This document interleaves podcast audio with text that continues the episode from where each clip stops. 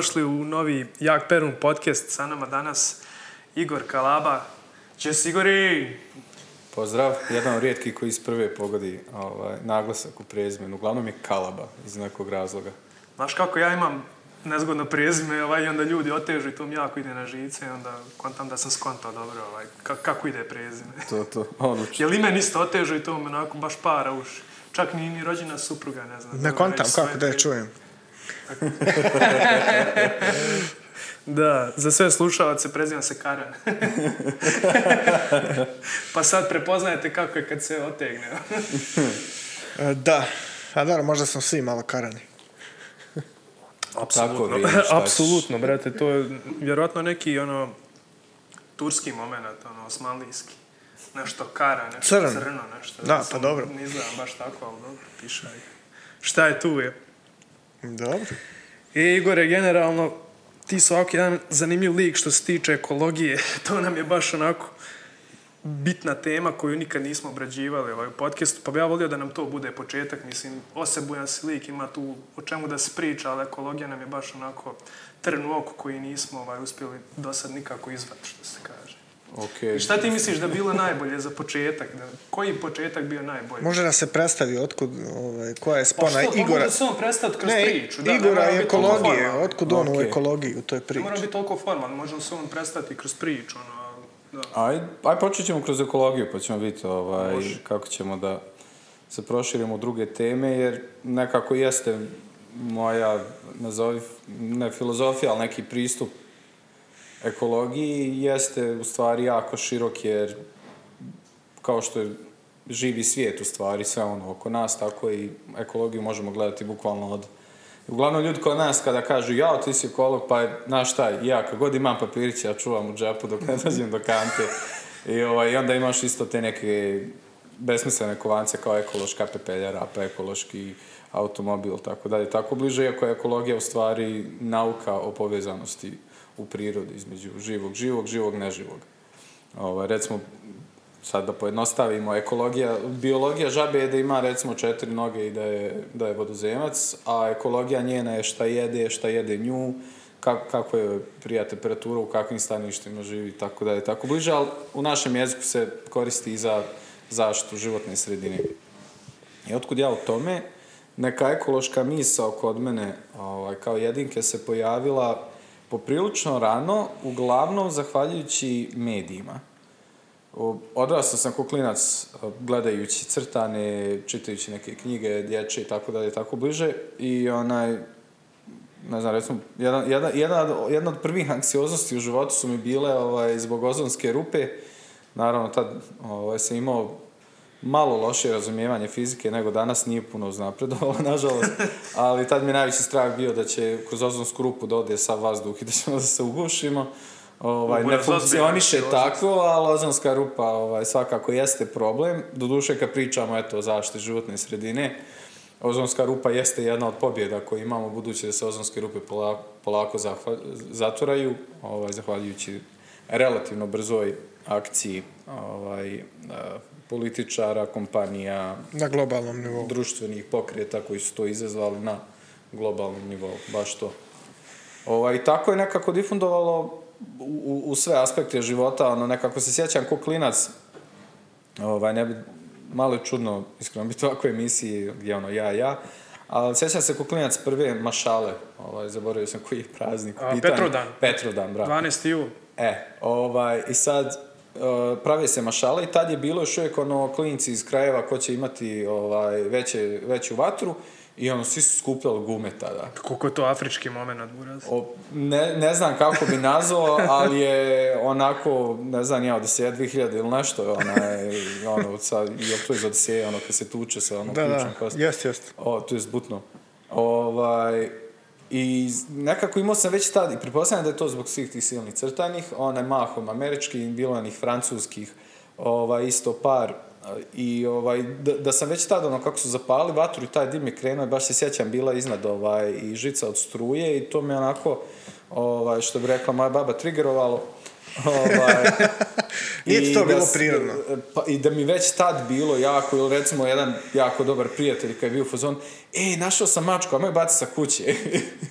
On Kao, zašto, brate? Liče, pa da, zašto, ono. Ovaj, pa neće njoj biti ništa.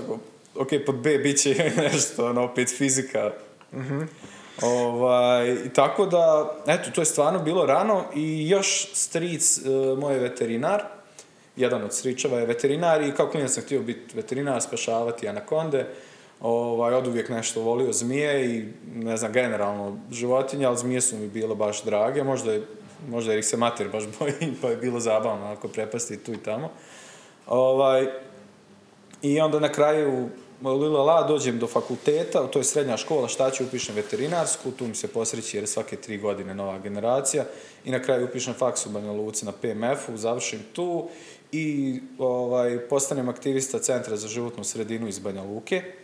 I onda se i zaposlim tamo i tu sam prvi par godina i radio, onda sam kasnije malo šetao, mijenjao poslove i trenutno sam na masteru iz uh, životna sredina i politike i upravljanja.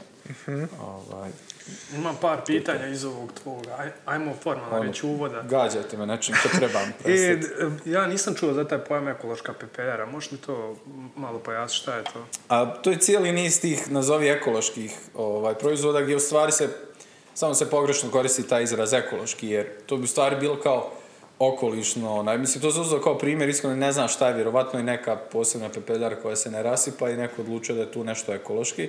Isto kao što imamo kante za smeće u gradišci koje se zovu Eco Box, ako se dobro sjećam. da, da. Međutim, to, od to dvoje jeste box. Osnovi to- Baš onako lijep marketing, a? ali je super prilika za marketing onaj, i nepozvane poruke koje nas napadaju sa svih ćoškova, sad i sa kanti za smeće. Jure, napadaju kanti. Ma da, ima i oni kontejneri koji kao odvajaju staklo, plastiku. To, to, to, do tog ćemo doći, do tog ćemo doći. Doćemo do To jeste interesantna priča ako je ispravno ono što sam ja čuo, da. A drugo pitanje je to, Pa- zašto baš anakonde da spašavaš? I pa nemam pojma, generalno, ovaj, vjerovatno opet, baš sam puno gledao TV kao klinac i puno sam naučio, mislim, ima tu naravno i protraćenog vremena. Rekao bih uništenog vida, ali iz nekog razloga ima savršen vid, iako sam provodio pred ekranom po 14 sati dnevno u jednom periodu života. Ovaj, iz nekog razloga govorili što se ne drogiraš ko normalna svijet, šta ćeš... Pa tako nekako. Šta ćeš pred tim? To, to iziđem, napise i Da, tako, da, da. onaj, ta percepcija nekako prihvatljivih ovaj, eh, poruka mi je Zlodija. Da, da. fascinantna kod nas. Da, Jest, da, da, jest, da. naravno. Kaže, bio pojem, čovjek bio pijani šupak, ono, tuko žen, pa on je bio bojem. Jest, jest, malo, voli da popije. Ja. A, nije, nije alkoholčar, nego voli da popije. da, da, da. da. Ovaj, mislim, mi to je sve ljudski, ne osuđujem, ovaj, samo mi je interesantno to kako su određeni, ovaj, kako se mogu određeni poroci glorifikovati dok su neke stvari koje su apsolutno okej. A, ne, ne, ne možeš to. Ne, ne, da. a. Da. Uglavnom, primijetio sam na TV-u da su anakonde ugrožene. ono, Slabo jedu. Pa ništa, ništa, ništa pande i to, ni, niste brinuli E, ove pande su skroz interesantna priča. bijeli medvjedi, onaj. nego ti za anaka- anakondu se. E pa ima tu cijela diskusija u stvari tom konzervacijskom kao tom pokretu za zaštitu ovaj, životinja ima, ima cijela ta diskusija ono, debata globalna gdje ti skužiš recimo jedan lik je napisao članak kako nije čak cijeli naučni rad o tome kako je panda toliko je spašavana jer je slatka i umiljate tako da tako može. A u stvari ima hrpa bitnijih pod navodnicima iako je to malo pogrešno reći, ali recimo bitnijih organizama koji nestaju, ali oni nisu slatki, ni- nisu mazni, onaj, možda su čak i paraziti, ovaj, ali ljude boli briga za njih. Panda imala dobar marketing, bure. Plus, M dobar marketing, M panda, imaš panda diplomatiju, gdje sve pande širom svijeta i dalje pripadaju Kini, one su posuđene ovaj, tim zoološkim vrtovima širom svijeta od strane vlade Kine. Nije vidio, kad sam bio u Kini, u Pekingu, ovaj, bio sam u pek, pekinškom zoološkom vrtu. I za pandu se posebno plaća ulaz. Simbolično je nešto tipa, ne znam, nije, ono, baš simbolično, nije bitan iznos sad, ali ovaj, vidio sam ih par. I vidio sam one rijetke pingvine koji ne moraju biti na hladno. Kraljevski, jel? Manje su i ono, ni, A, nije, kraljevski su visoki, ja mislim. Oni su Kraljevski 120. su, ja mislim, najveći. Pa, bilo je puno rariteta, ali ta dva sam ono upamtio. E, a kad smo ovaj, sad tako kod te konzervacije, kod nas bio jedan slučaj gdje, gdje smo izgubili jedan, uslovno rečeno, UNESCO park prirode, uslovno izgubili, to Mhm. mislim. Jesi ti tad bio pri centru za životnu pričamo o sredinu? sutjesci. Ne pričamo o Bardači. Pričaš o Barać? Da, pa mislim, jesam, bio sam tu, kolege su to vodile, nisam bio direktno Jel znaš tačno kad je to bilo? Meni onako kroz maglu, ovaj. Jo, nemoj me za brojeve. Se- Ovaj, sedam, osam, devet, pa deset, tu da, recimo kad je to krenulo isušivanje i onda je to već sigurno 2013. već to bilo poprilično uništeno. Ovaj, I, doslovno ništa nismo mogli ko, ono, ko zajednica. Pa uraditi, jel? pokrenute su tu, pokrenuto je tu nekoliko tužbi. Ja mislim da je i dalje nešto aktivno od strane Centra za životnu sredinu. Ovaj, na radi bi sad njih da nazovem.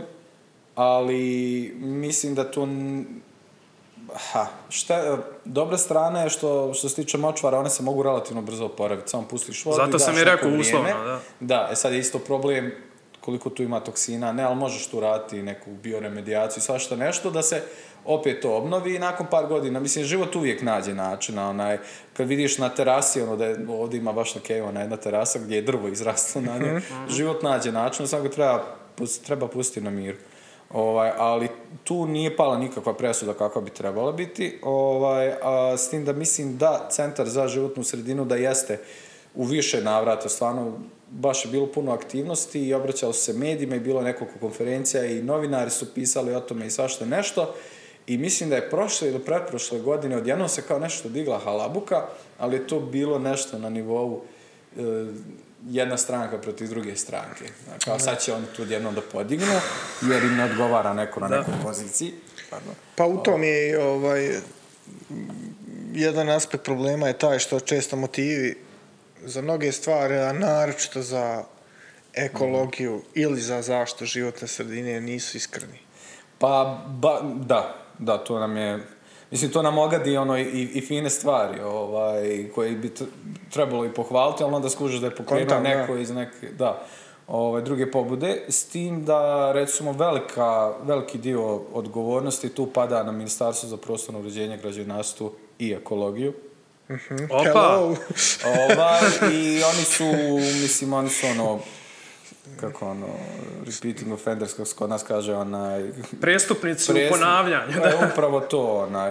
Ili što sad u medijima vole reći stari znanci policije. Da, žestoki tepaju, momci. tepaju kriminalcima, Da, da, da. da. Da. Ovo što je patologija. Sve eufemizmi, bura, za... Od ranije Da, da, da, to je patologija za sebe, onaj. Ali, tako da, kada sve to dođe na naplatu, recimo ministrica Golić je stvarno jako dugo tu i iza nje se vuče dosta toga od hidroelektrana, termoelektrana i loših ekoloških dozvola i procesa i sakrivanja informacija. Recimo, ja sam krenuo raditi u Centru za životnu sredinu 2013. baš službeno raditi. 2012. sam bio na nekom manjem projektiću, onda od 2013. do 2017. sam bio u stalnom radnom odnosu. I ono prvo što je centar i prije mene i kad sam ja tad došao je baš onako se užarilo, samo doći do informacija je bila velika stvar. Jer oni su navikli, svi koji rade mahinacije kod nas su navikli da rade u mraku, da ih niko ne dira. I onda kad dođeš, par ljudi uzme reflektor i šta god ti uradiš, ono kod crtano, kad bježe iz zatvora, pa paf, ono svjetlo, onaj krug dođe na njih. I onda su, nastavili su oni raditi to što rade, ali su počeli, vidiš da je, onaj, tu sam u par navrata, jer kad god nam bilo onako i o čemu sve ovo imalo smisla to što radimo, vidjeli smo da su počeli da bolje rade te neke stvari, da se trude da sakriju. I dalje ima blatantnih Malo- nekih malo stvari, bolji lopovluk. Jel imamo dovoljno reflektora? Ovaj, e, pa tu sad imamo dovoljno samo, ovaj, ne pali ih ljudi, znaš. A nešto se ja brinem. Što je ovaj, ovaj, čuvari, sad koristimo ovu alegoriju koju ste, čuvari tog zatvora i kad vide tog prestupnika pod tim reflektor, a mi smo ti čuvari u zatvoru, e, Sad je, ako je mogao Bardaču, pa što ne bio? Znaš, kak se Da, da, da, srozava kad malo popustiš ko i u mikromanagementu, managementu preduzeća. Čuti, nemoj. Ne, ajde. hoću reći kad, kad, kad dopustiš nešto tako prođe bez posljedica, znaš, onda srozava se svima posljedično htjeli mi to je on ne, neki Prag, sistem vrijednosti i prag tolerancije za, Pa- za nedopušteno. Da, definitivno, s tim da bi rekao da imaš, pazi, imaš ovaj, ljudi koji bi trebalo snositi mnogo veću odgovornost, ljudi koji su na pozicijama i primaju plate da to spriječe. Ovaj, možemo se vratiti na to, to ko je stvarno kriv i na koga koliko krivice, gdje ja 100% još ne znam kako bi se ponio prema tome, ali imam osjećaj opet da bi puno više krivice trebalo ići na ljude koji su plaćeni za to i obučeni za to, nego ljudi koji su svakako istrumirani u svakodnevnom životu i polupismeni ponekad i svašta nešto. Uh, ali nešto drugo htio reći. Ovaj, Došao si ti u centar i zakuvalo se i reflektori. Pa u svakom slučaju tu smo vidjeli da im je stalo, da im je frka i onda je bila borba samo za taj e, pristup informacijama. I sad kako vidiš sve više nekih istraživačkih i, i, i portala i pravih, ovaj, on, mislim, pisanih medija i tako dalje, koji tih, po navodnicima, pravih medija dosta manje, jer vjerovatno, mislim, financijski je teže i svašta nešto, a ima stvarno odličnih portala, recimo Centar za istraživačko novinarstvo iz Sarajeva je fenomenalan. Njihove priče su argumentovane, a udaraju baš u kosku. Onda ima, ne znam, nija Gerila iz Banja Luke. Tako da sad ima tih izvora i mislim i samo činjenica da je u zadnjih godinu dvije bilo nekoliko napada na novinare, ona pokazuje, znači da im je frka, da, da nije sve izgubljeno, da im je stalo ipak da se tišnu mišu, da se potisnu stvari. E sad, na kraju doći do kazne i da neko bude, eto recimo u kampanjama protiv hidroelektrana je bilo dosta borbe, da bi on, i bilo je dosta nekih slučajeva koji su nam obarani na sudu, da bi onda u slučaju, ako se ne vram, hidroelektrana na Sutjesci i Hrčavci, prvi, Hrčavki, prvi put sudija ovaj, sud, sudinica, sad kako tačno, ovaj, uvažili su naše argumente koji, jer uglavnom su oni gledali neke procesne argumente. Da li je objavljena, ne znam, ja poziv za ja, učešće javnosti na vrijeme, da li je ovo urađeno na vrijeme, da li su svi papiri predani. Ma da neće u suštini da ulaze. E, a ovdje su ušli prvi put u suštinu gdje, gdje je Centar za životnu sredinu okupio stručnjake, bukvalno su liku knjigu napravili, ovaj, analizirali su studiju utjecaja na životnu sredinu, koja je korak da bi dobio ekološku dozvolu. I gdje, gdje su našli bukvalno očigledne dokaze da su prepisane iz drugih tipa ljudi zaboravili da promijene ovaj Lokaciju. da, da promijene dešavalo se toponime da zaborave da promijene to je bilo u slučaju jedne termoelektrane u federaciji ovdje su zaboravili tipa prepisali su iz druge studije i nisu promijenili klimatski ovaj klimatski sistem nego su prepisali klimatsku regiju iz te druge studije Ma da, zaboravili kontaktno. bilo ono ne znam ja mislim čak da su bile upisane u stanju flore i faune neke vrste koji su zadnji put viđene od strane Austrugara i ono upisano u Sarajevo, ali to ono, kad prepisuješ, pa, a ne znaš šta prepisuješ, mislim, treba znati, trebaš imati neki nivo znanja da bi mogao prepisivati, ono, to su si profesori govorili. Da, i resavska škola mora se... ovaj, A ne znam, brate, baš sam se ono... E, a da, Da, te e. pitam konkretno za ovaj slučaj Bardače, jel znaš možda konkretno koliko je izgubljeno vrsta ptica? Razumijem tvoju frustraciju. Uh, Zna se- Jel ima tačno navedeno, jel, mislim, jel uopšte ljudi, e, jel približeno ljudima kolika je to katastrofa, ko, ko, koje su to razmjere? Pazi, jeste, uh, ja sada stvarno kažem opet imena, Dobro, brojevi, katastrofa ne idu ti brojevi, da. Uh, preporučujem svima da odu na stranicu ili da izgooglaju Centar za životnu sredinu, Bardača, i ima tačan podatak, opet imam neki broj u glavi, ali neću da bubnem, ovaj, čisto da me kolege ne bi zabavale. Ma znam Ovaj, se, ne znam tačno, ovaj, ali ima, tu je, tu je bilo stvarno, uh, da li je bio Ramsarsko područje ili bio predložen, ovaj, nebitno, uh, to jest veoma bitno, ali ogroman broj ptica, posebno migratornih ptica koje su tu odmarale tokom svojih ovaj, seoba i jako značajno od evropskog značaja ovaj, područje. Tako da je to sve prikazano. E sad, koliko ljudi shvataju značaj toga, e tu je sada opet jedna cijela ovaj, diskusija u toj ek- ekološkoj etici. Neka nazovi. nova Pandorina kutija, Kako ti sad ljudima objasni im bude stalo? Jer ja se sjećam kad su skupljali potpise protiv uh, hidroelektrana u Nacionalnom parku Sutjeska i nekom dedi sam došao, izvinite, da li biste dali vaš pot... A tu, ma ne idem ja tamo. I ode, pa neko iće vaš sin, ma neće, ne zanima to mene. I ode čovjek. I sad to, kako nekome objasni to opšto dobro, i sad imaš ti opciju da objasniš, da kažeš, e, turisti kad bi došli, mi bi svake godine zaradili toliko i toliko, ali onda ti opet trebaš našim ljudima objasniti da će doći švabo, da će ti dati 500 evra, ne znam, nija za nedelju dana, da, da on ustane u pet ujutro sam i ide na teren i gleda ptice sa dvogledom, bez puške. Trebaš ti to sad njemu Nije mu jasno. objasniti, da. Da ima i to, a ne da samo dovodiš Talijane da ubijaju šta stignu. Meni je, meni je Ovaj, zanimljiv znači- cijeli taj slučaj Bardač je bio, nadovezat ću se na priču, onda je uletio, mislim, Novosadski institut za sjeme i ono, Mm. radili su neke oglede kukuruza onda, u tim ribnjacima i kao, kako je batalio kukuruzu bardač, kao ljudi moji, koji su to prinosi, razumiješ, kao mi smo donijeli Primjer takve da- takve hibride, kao, a doslovno donio, ono, donio bilo koji kukuruz da su bacio, Ma da. tamo gdje je živla riba i ne znam ja šta i koliko je bogato to sve sa hranjivom, Na- znači šta 50 god da, da stavio, brate, batalov, i ti me dođeš i prodaješ, ono, kao, e, kao, Novosadski institut, prakse, da. kao, kako smo mi napravili, kako imaju dobre kuruze, buri, znaš koji je vrijeđan inteligencije? A to, to, je, to, je, to je viši nivo kad ono već aj sjaš, brate. To je isto ko sa e, generalno slašću. Znaš, ono, mahinacije, dobra riječ, rijetko je koristim.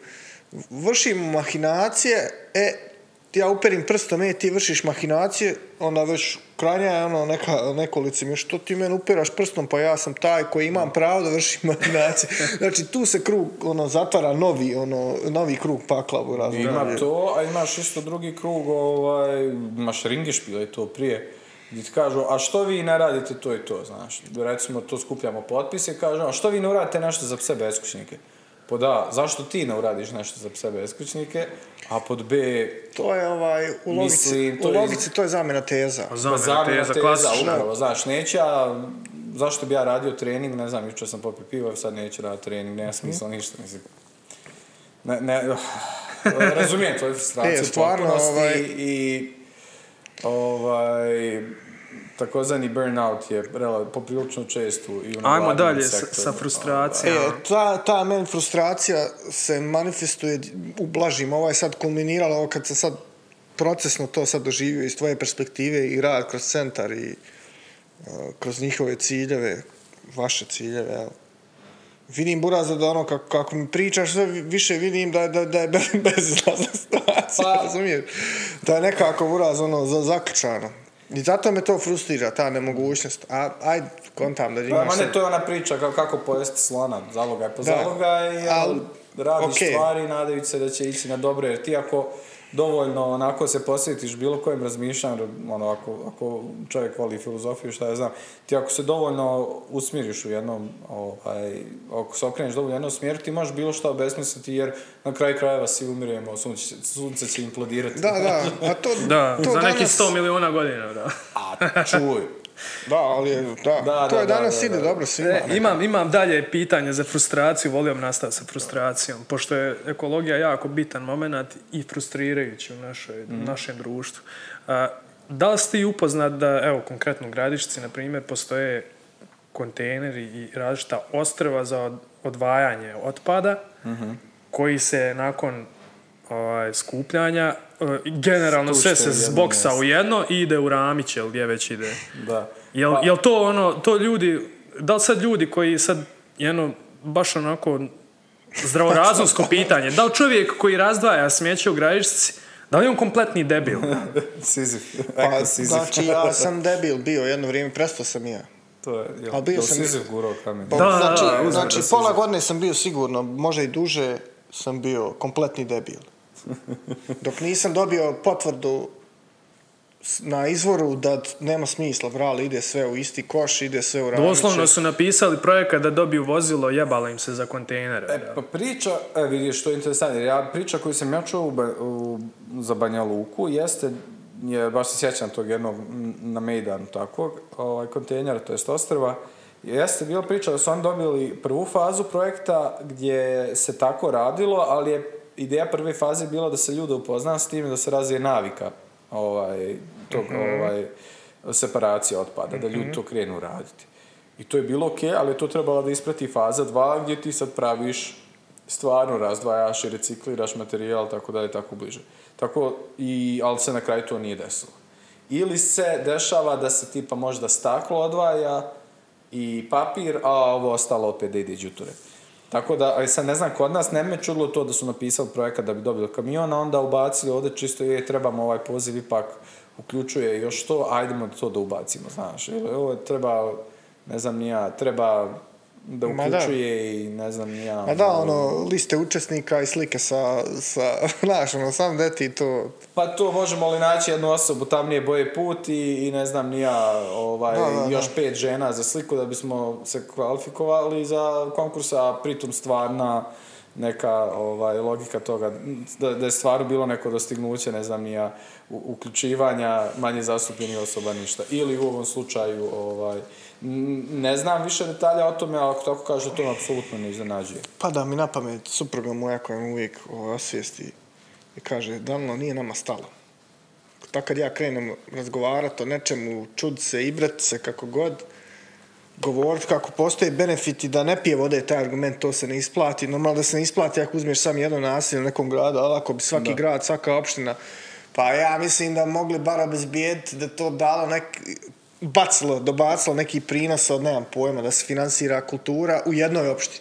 Pa zar nije, evo, sam Most, NBO, ovaj, su skupljali zajedno sa djecom škola, ako se ne varam, papir i onda su taj novac od tog papira na su iskoristili da odu na Me- ekskurziju meni, to tako ne, nešto. meni je bilo. nemoguće, znači da To- staklo se to, da. ako se vrati, ako se vrati plastika, Pa, papir, ili metal, na primjer, aluminij. Metal, Da, da. El, ovaj, kako se zove, elektronički uređaj, ne, Pa nema meni šanse. to jeste u stvari jedna od Nije nam što stalo. se tiče zaštite životne sredine jedna od naj ovaj većih ovaj tački za ibretice zato jer u osnovi je finansijski isplativo Mhm. barem određene ovaj barem određeni to tipa papir, Pa da, metal, napraviš staklo koji se kad- lakše recikliraju. Ovaj, i, ali to opet pokazuje to čisto manjak želje za, za odgovornim upravljanjem u stvari, jer mahom ljudi, naravno ne svi, ali je jako puno ljudi koji su zaposleni samo preko štele i oni rade za svoju platu, njih ne zanima kako firma funkcioniše. Kako se puni, puni budžet i šta se dešava sa novcem od Nije parkiranja, nam stalo. tako, tako bliže te priče njih ne zanimaju jer oni izlaze u 3 sata ili 4 oni piju kave, ne znam, nija, druže se međusobno, otimaju se za stolice kada god dođu izbori i tako opet u krug. Znači, Nije im nam stalo. E. Ali opet, s druge strane, ako pričamo o široj javnosti, ne, ima stvarno, jer ja, eto kažem, vraćamo se opet na malog debelog Igora koji je gledao te crtane i meni nikad nije bilo jasno da neko uzme i samo za frilacije flašu. Da li u parku, da li u centru grada ili na vrhu Kozare. Jednostavno, ne znam, to je sad, recimo, feel to mi je manje čudno nego leteće prase, nekako. Jer leteće prase, sam ko klinac čuo sam za taj izraz i za vanzemaljce sam čuo za taj izraz, ali to kad sam vidio prvi put, nekako mi je toliko bilo strano da jednostavno, znaš, ono, kad se desi nešto pa ne možeš reagovati. Što bi rekao Marko, kontraintuitivno, totalno, slažem se. Ja znam jednog apsolutno. odbornika iz Gradiške koji je meni rekao kao, brate, ja jel vidim negdje kuću ili nešto, ja ću bas naput jebem se. Šta god da je. Znači, tako mi lik kaže. Koji ti imaš kontraargument, Me, brale? meni mater. Koji kontraargument ti imaš? Šta imaš reći, bro? Nemaš ti tu šta više reći, buraz. Znači, njemu nije strano uzeti, spakovat vrećicu i kroz prozor je bacit. Sam nek ima neka kuća, neka budala će pokupiti. Da, to mi je jednostavno apsolutno fascinantno. Ne vjerujem, ne znam, baš me zanima da li neki psiholog... Ko ti ljudi, s kim ti provodiš vrijeme? Pa, to je psihijatar, to je meni klinička psihijatrija. Pa, baš, baš, baš. Brate, ali to su ti lideri ovog, ovog zdanja. Pa dobro, to je sad tema za sebe, obrađivali smo je na sto Ma načina. dobro, brate, uvijek valja bešovati idiote, ono. To, je, Ovaj- to je realna stvar i treba to raditi na dnevnom nivou. Neg- negativna selekcija, inercija negativne selekcije je započela i nezaustavljivo ju, jurimo u bez Propast. propast. Kako Znači, to, to je pozitivne moj, teme, to je moj stav. Znači ja, ono, Pa, nisam pesimista, ono, inherentno, ali da. ovo je moj objektivni, mislim objektivni, Pa subjektivno stvar kad objektivni. si biolog, ekolog recimo, onda se možeš pozvati na taj pogled gdje su sve to neke sukcesije vrsta, znaš, ti posjećaš gr- grabovu šumu i ne znam, nija, Iskoči šikara, ja. Iskoči šikara, iskoči cvijeće, pa se to smjenjuje. Pa opet poslije 50 godina imaš neki ekosistem, pa dođe dabar, vidi da je super, pa presjeće, pa napravi branu, pa krenu vrbe rasti jer ima više No, vode onda to treba gledati pozitivno, što prije to bolje, da. E onda to gledaš isto kao, mislim, ovaj, kao vrsta, ne vjerujem da ćemo, kad gledamo globalno i svi ti poremećaj, ne vjerujem da ćemo nestati kao vrsta, nego, eto, kad pričamo o klimatskim promjenama i tim nekim velikim stvarima i uništavanju vode, uništavanju plodnog zemljišta i ovaj, klimatske promjene, to sam već rekao, i ne znam ni ja, još ti neki gadni poremećaj, gubitak biodiverziteta, recimo, koji su svi povezani, između ostalog, ona priča, ne znam, ja nestane pčela, nema, nema ovaj, oprašivanja i, i slično. E to nekako kad gledam, ne, neće nestati ljudi, nestaće društva ovakvog, morat će se promijeniti stvar. Isto kao što kažem, ne, kad, ne, kad se prestane nafta koristiti, neće nestati automobila, bit će možda električni, ali ih neće biti toliko i tako da je tako bliže. I neće, da. po meni, barem neće svako moći imati svoj auto, već će se auto dijeliti. Ali to su se da, neke da. promjene i kad gledaš to malo očima biologa, mislim, jes meni žao da nestane jazz, da nestane poezija, da nestane neke fine stvari, ali homo sapiens smo, šta ćeš, mislim, nestao je homo erectus, Biće neko drugi, se ajde, to je u redu. Pa to, sranje se i dalje vrti, ono, to, je- to je moja ono, pretpostavka. Zemlja će se vrti kako god, brale. A to sigurno. Pa da, s tim da mi uvijek patnja mi je veća tragedija nego smrti nestaje. Pa da, malo je ovaj, teško opet shvatljivo da smo na tom tehnološkom nivou gdje je dosta procesa globalnih možemo redizajnirati da idu u službu nekog opšteg blagostanja i skladnosti sa prirodom, a da ono autistički idemo, ono, to, to, stvarno to je fascinantno, to je za neke ultra mega doktorske studije. Pa, da, ali mislim, to je ono kad kažeš kao vrsta, znaš, me nekako Antropološka neka studija, ne znam ni ja. Kad razmišljam, ono, ne znam, ni ja, ne mora Nikola Tesla, ba, baš ga svi nešto koristi u posljednje vrijeme kao primjer, ali eto, neko njegovog kalibra ili kalibra, dajte mi nekog intelektualca, pa onda imamo, ne znam, ni ja, jednog Dodika, pa imamo jednog, ne znam, ja, Acu Lukasa, pa jednog mene, pa jednog puno boljeg od mene, puno, po navodnicima lošijeg. To je meni ko kad gledam pse, znaš, pa vidim Dobermana, vidim Čuvavu, vidim ono njemačkog ovčara, vidim engleskog buldoga koji ono ne može disat kad je zdrav. I onda nekako kao kaže, jeste to ista pasmina, to jest vrsta, druga, drugi s pasmina, i onda mislim, mislim isto tako ja. nije za očekivati ljude da. da će isto, mada je naša evolucija više na duhovnom nego na fizičkom nivou, očigledno. Naravno, da. E, cool analogija, brate, moram ti dati Da, to je- rekvizite za to. To je- A, ali da, da. ostanemo, brate, u ovom nekom još domaćem mulju. Ovaj, malo o tim termoelektranama, malo o mini hidroelektranama, malo o Mirzi Teletoviću, Majmunu, malo razumiješ o tom da približimo ljudima šta se dešava, jer neki ljudi koji su proslavili se u nekim drugim stvarima, sad prave ekološke katastrofe i ono, provlače se, nema nikakvih problema za njih, znaš. Da. Volio malo da, da to adresiramo, volio da pričamo o, generalno o našem planu razvoja termoelektrana koji je sulud, brale. To je jebeno sulud, da neko ti kaže to je sranje prevaziđeno, brale, ajmo nešto drugo, ne, ne. Mi ćemo otvoriti još koliko novih sektora uraz termoelektrana bez odsumporavanja, bez... Sad pričam baš onako ono mesarim, ja bi ga nisam dovoljno upućen u tu temu, ali sam dovoljno upućen od prosječnog ono Da, da, da. U, u Bosni i Hercegovini. Pa volio malo o tom više, da, da ostanemo u domaćem ulju pa ćemo onda na globalni ovaj, da, da vidimo šta se dešava i tamo. Da, ta energetska tranzicija, priča oko energetske tranzicije, onako dobro pokazatelj, zašto god naš političar dodino pretvori se u govno, znaš, kao obrnuti Midin, Midas, onaj, što je dirao se, što je pretvarao zlato sve što dodira. Ja, oni govne se E, to je pretvaraju. kod nas pretvorio u govno. Što kaže naš narod, i give it, i give it bi pokvario. Eto. I, u, I u govno bi Brate, pretvorio. trebaš biti talentovan za to, nije to jednostavno. Pa, da, mislim, u osnovi oni, ovi koji nas po navodnicima vode, ovo, tu svrti u krug, oni...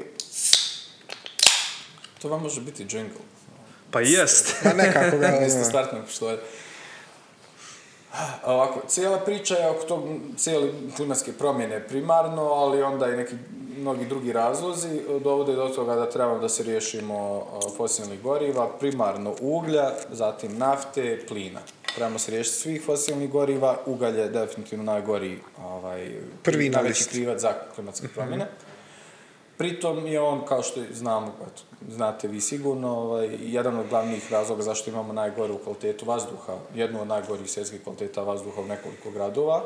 Pozivam sve koji vole putovati Bosnom i Hercegovinom da odu u okolinu, recimo termoelektrane Tuzla, gdje ima par bukvalno kancer sela, gdje nemaš kuće bez onaj, inhalatora i, i maltene nemaš kuće bez kancera.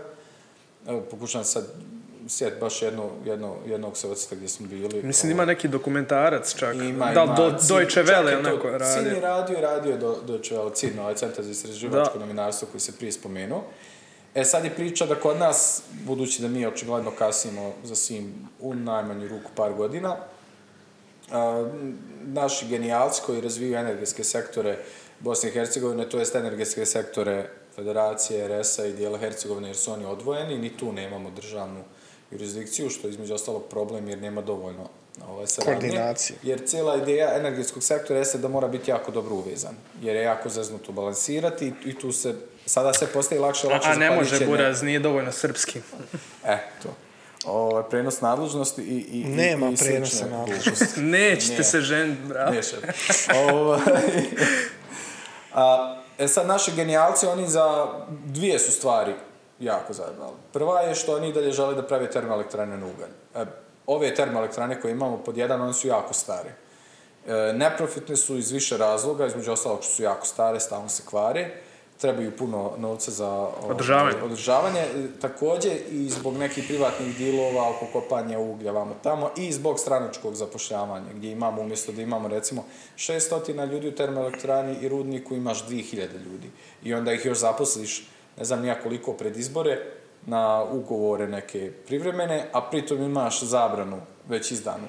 Pa dobro, da, ti- To su sve neki ono fakti koji su... Da, da, time se i krade od... uh, I tako dobijaš glasove, sam od sebe kradeš, da. čovjeka, on ti donosi četiri glasa, ne znam, ja po kući i tako dalje. Tako. I to tako ide i onda ima problema s javnim nabavkama i svašta nešto.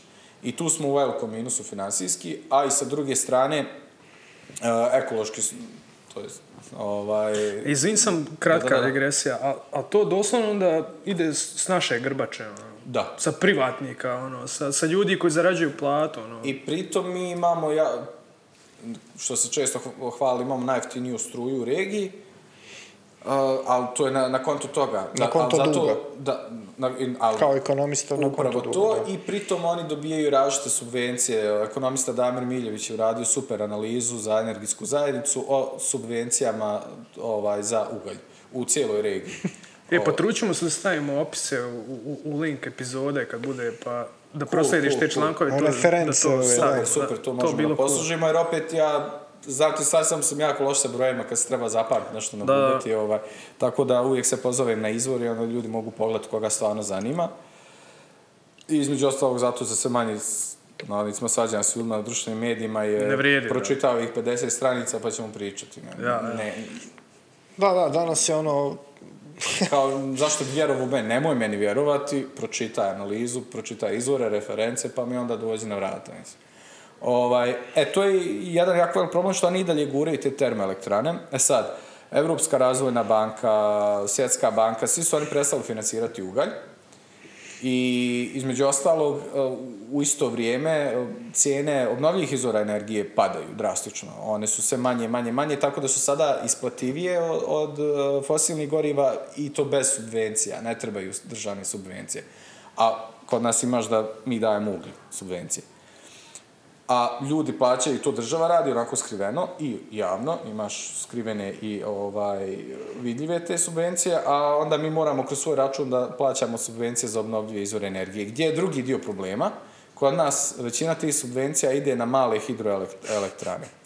Male hidroelektrane su apsolutno zanemariv doprinos ovaj, svega par posto Na energetskoj mreži, na ukupni postotak, a sa druge strane uzrokuju ogromnu štetu za životnu sredinu.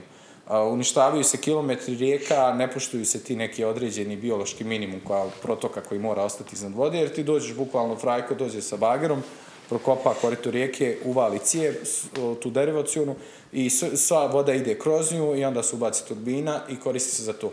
I onda ti imaš, trebaš samo otići, ovaj, ima, ima, pa, ima par slučajeva već u Bosni i Hercegovini gdje su potpuno prazna korita najveći dio godine. Što je rekao ovaj jedan, mislim da je pokojni Krismanović, to je rekao na jednoj ovaj, emisiji, to ne, cu, to ne teče voda, to piški.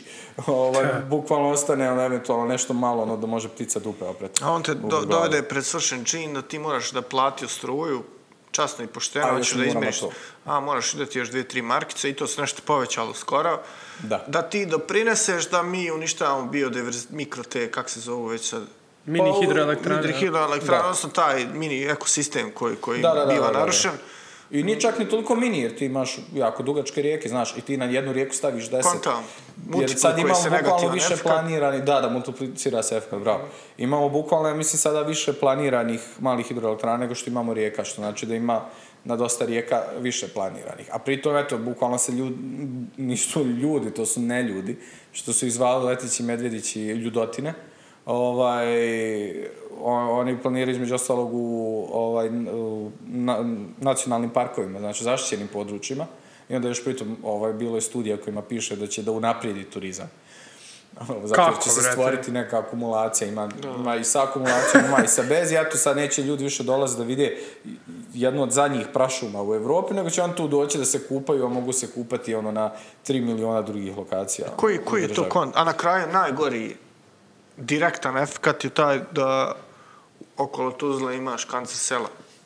Ili ima gore od toga? To nije Da, to je neki fascinantno. dugoročni sad efekt koji Pa će ono- se desiti, joj ljudi, ajme pripaziti. To je već stiglo, mislim, to, to su je- termoelektrane Pa ono imaš su isto, jel, jel 60-ih. Lukavac, ono, toliko ima emisije tih štetnih gasova i neke prašine, ljudi dva put dnevno brišu ono, verandu i ne Mm. mogu nabrisati uraz, ne možeš disati tamo. E, sad ti si na master studijima tamo, Da, koje se bave politikom, ekološkim politikama u suštini. da, da. E sad, što, kako vole reći ovaj, razvijene, normalne, normalno, mi volim reći, u normalnim državama ti već bio u zatvoru, slično.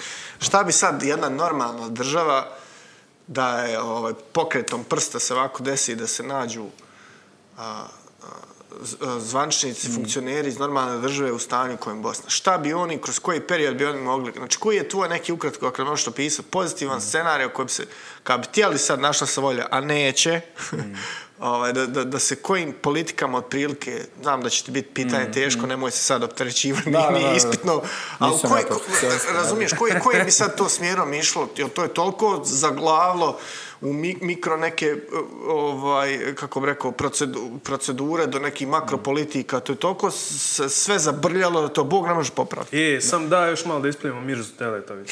Aj, vraćamo se na mir. Aj sam još malo Mirzu Teletovića da evo. Razumiješ, lik je predsjednik Košarkaškog saveza Bosne i Hercegovine, ja sam trenirao košarku, volim košarku i sve srca, ali Mirza je šupak, brale, tolike milione ima i to radi, evo, koji kurac je, evo. E da, sad, nisam skroz detaljno pratio taj slučaj, pa sad ne znam da li se on pokušao pokajati, da li je pokušao iš, išta uraditi. Ne čudim, pa, znaš kako, ovaj, Igore, jebe me se, brale, lik je pomislio na to, već je grešan. ono. Koga jebe, brale, treba ga pazi, bas podvoz. Po meni profesionalni sportisti, opet, svaka čast izvecima, ali je dosta njih se iskazalo da ti uzmeš, ne znam, ja, uzmeš dijete od četiri godine, skontaš da je talent i onda ti tu cijelu jednu personu razvijaš samo 2% njegove ličnosti. Mislim, ono, razvijaš mu, ono, ne znam, ja, reflekse, inteligenciju vezanu za taj sport i razvijaš njegovo tijelo za taj sport.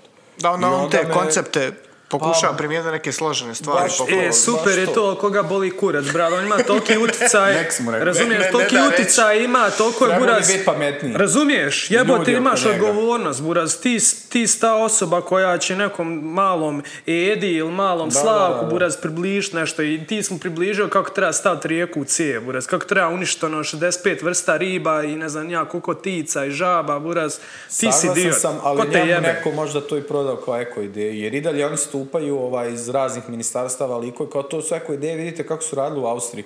Pa da, mi nismo Austrija, ja rani Tirolski i ti prijeke da uradiš sve po PS-u, a pod B nisu ni te njihove savršene i sada širom Evrope se već ruše stare hidroelektrane, zato jer kontoju ljudi, ok, ne, ona, uništavaju, mahinacije. ne, ne samo da su uništavaju naš, jer to je opet stvar što ljudi često kod nas se doživljavaju ono izdvojene životne sredine. Ti ne uništavaš samo tu ribu. Ti uništavaš Šta je dalje, na da. kraju krajeva samog sebe. Jer to mene uvijek podsjeća na onu scenu u Matrixu. Treći dio, ja mislim, kada su oni ovaj, trebaju doći u Matrix, ne znam ni ja, u stvari kada doće Morphiusa da spašavaju, mislim da je to drugi dio. I sad oni trebaju kao idemo prvo da se naoružavamo pa idemo u Matrix. I sad on njih ubacuje ono u program i Neo i Trinity se nalaze u, u, u praznoj sobi, ono sve bijelo, kao nema ničega. I onda on ukuca program i pojavi se oko njih oružje i sve to. I onda opet ukuca program, pojave se u gradu. E, ljudi nekako, dosta ljudi tako raz, zamišlja kao čovjek i životna sredina. Nema, t- mislim, Da, da, kao ti, dva ti sam kao čovjek, izvin, ti si sam kao čovjek životna sredina. Mi imamo više, bak- po nekim novim istraživanjima, mi imamo više bakterijskog DNK nego ljudskog. Znači ti si jako sistem, jaran. Pa ja, ti si da. hram jebeni, buraz, unutra nema čega nema, brale. Upravo to. Tako da, Tako ovaj, da, ovaj... Je zadovoljan. Je sad- Mirza, dovedi se pameti. Pa nije, brate, treba ga bešat. Koga jebe? Ne, okej. Mislim, super je pucač, ali idiot, ono. Koga Ne, jebe? tako se mijenjaju te stvari, tako što su ljudi glasni i kažu čova, ono, persona non grata. Ja sam ne išao, ja sam išao nekoliko puta dole za Mostar onim putem i Mm. jedan dio toka, ja mislim da je rijeke Jablance. Brate, baš sumnjivo izgleda. Ne, ne rijeke, Jesi bra. vidio Ugar preko Vlašića? Nisam išao preko Lašića. Jes, nije. Ugar je bliže. Moguće, e, ovo ćemo izrazati, znači sramota. Uglavnom- U svakom slučaju prijeći preko Vlašića. Jako, katastrofa. jako čudno izgleda, Katastrofa Buraz. Na je. primjer, taj jedan dio do Jablance, ono... k- Samo ima- kamen vidiš da je kanjon, da je rijeka neka bila, nema rijeke, brale. Di Mislim, je? isto i sa Vrbasom kada su ono sušli dani, kada, Da, kada da, se da. zatvori, kad da, se skuplja. Da, da. Ali, re, realno, znači društvo... Šta nam činiti? da, da, to bi ja Dobro, volio. ja volim da smo sa tim zaključili, ali ajde, može. E, pa ovdje ćemo referencirati. Pa ne, ono kao, šta Mir za možeš kretenje. direkt, ne, šta možeš, ne, ne, to smo zaključili da je mir za Da, krete, okej. koga jebe, još jednom. Nego, vrate, uh, mislio sam možda konkretno šta čovjek kao pojedinac može direktno, kako može direktno utjecati na, na te probleme, ali dobro, kad smo već ušli sad u ovu priču, ajmo nastaviti. Ja bi dalje, da. gledao svrha. Znači, da, koje može. to od politika do, do, do ono, sve što slijedi iz njih, ali recimo na nivou politika. Šta, Da, šta da, bi da. ono... Pa Kudu ovdje ćemo opet referencirati, ovaj, dragi slušatelji, uh, referencirat ćemo opet jednu analizu ovaj, na kojoj sam i ja nešto malo radio, ali, smo, ali je najveći dio napisao opet Damir Miljević, fenomenalan ovaj, ekonomista i stručnjak iz Banja Luke, ćao Damire. Šarao za Damira. Ima par, to, to, ovaj, ima par bitnih stvari. E, Prvo isto što hoću da kažem prije toga, Evropska unija nije postala potpuno ekstra mega zelena, mislim još uvijek nije takva, ali nije krenula u tom smjeru zato što su oni odjednom toliko voli životnu sredinu. Bilo je s jedne strane tog impulsa, između ostalog od strane e, ljudi, od strane glasačkog tijela, ali sa druge strane oni gledaju e, svoju, oni gledaju obnovljivu energiju kao primjere da budu e, energetski nezavisni, da ne moraju da uvoze e, plin iz, Iz Rusije. iz Rusije, ne znam nija naftu odakle, sve ne, ugalj iz Kolumbije, odakle ne, isto iz Rusije i tako da. Tako da trebamo podjedati da to posmatramo isto tako. Znači, šira je priča od samo životne sredine. Slažem Iako se. u osnovi čovječe jebote dijete ti umire od kancera jer je, ili ono, ne znam, sa 16 godina ima plućne srčane probleme, mladić zbog zagađenog vazduha, alo.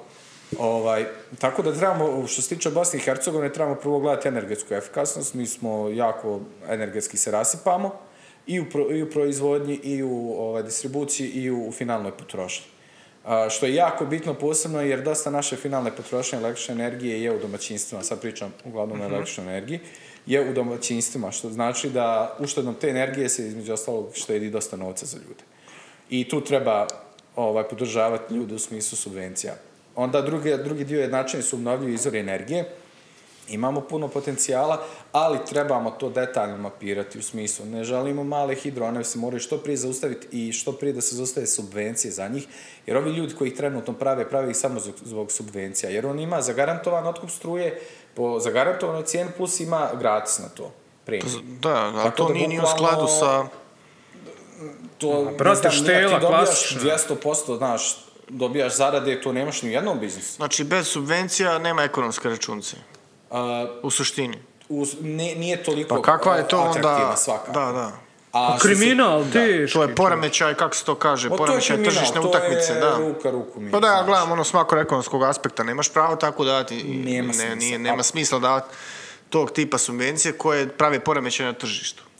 U To je smislu sad tek da... priča otvaranja da. našeg tržišta koje nije liberalizovano u potpunosti, a treba biti zbog o, toga što smo mi potpisali ugovor o energetskoj zajednici koji nas na to obavezuje.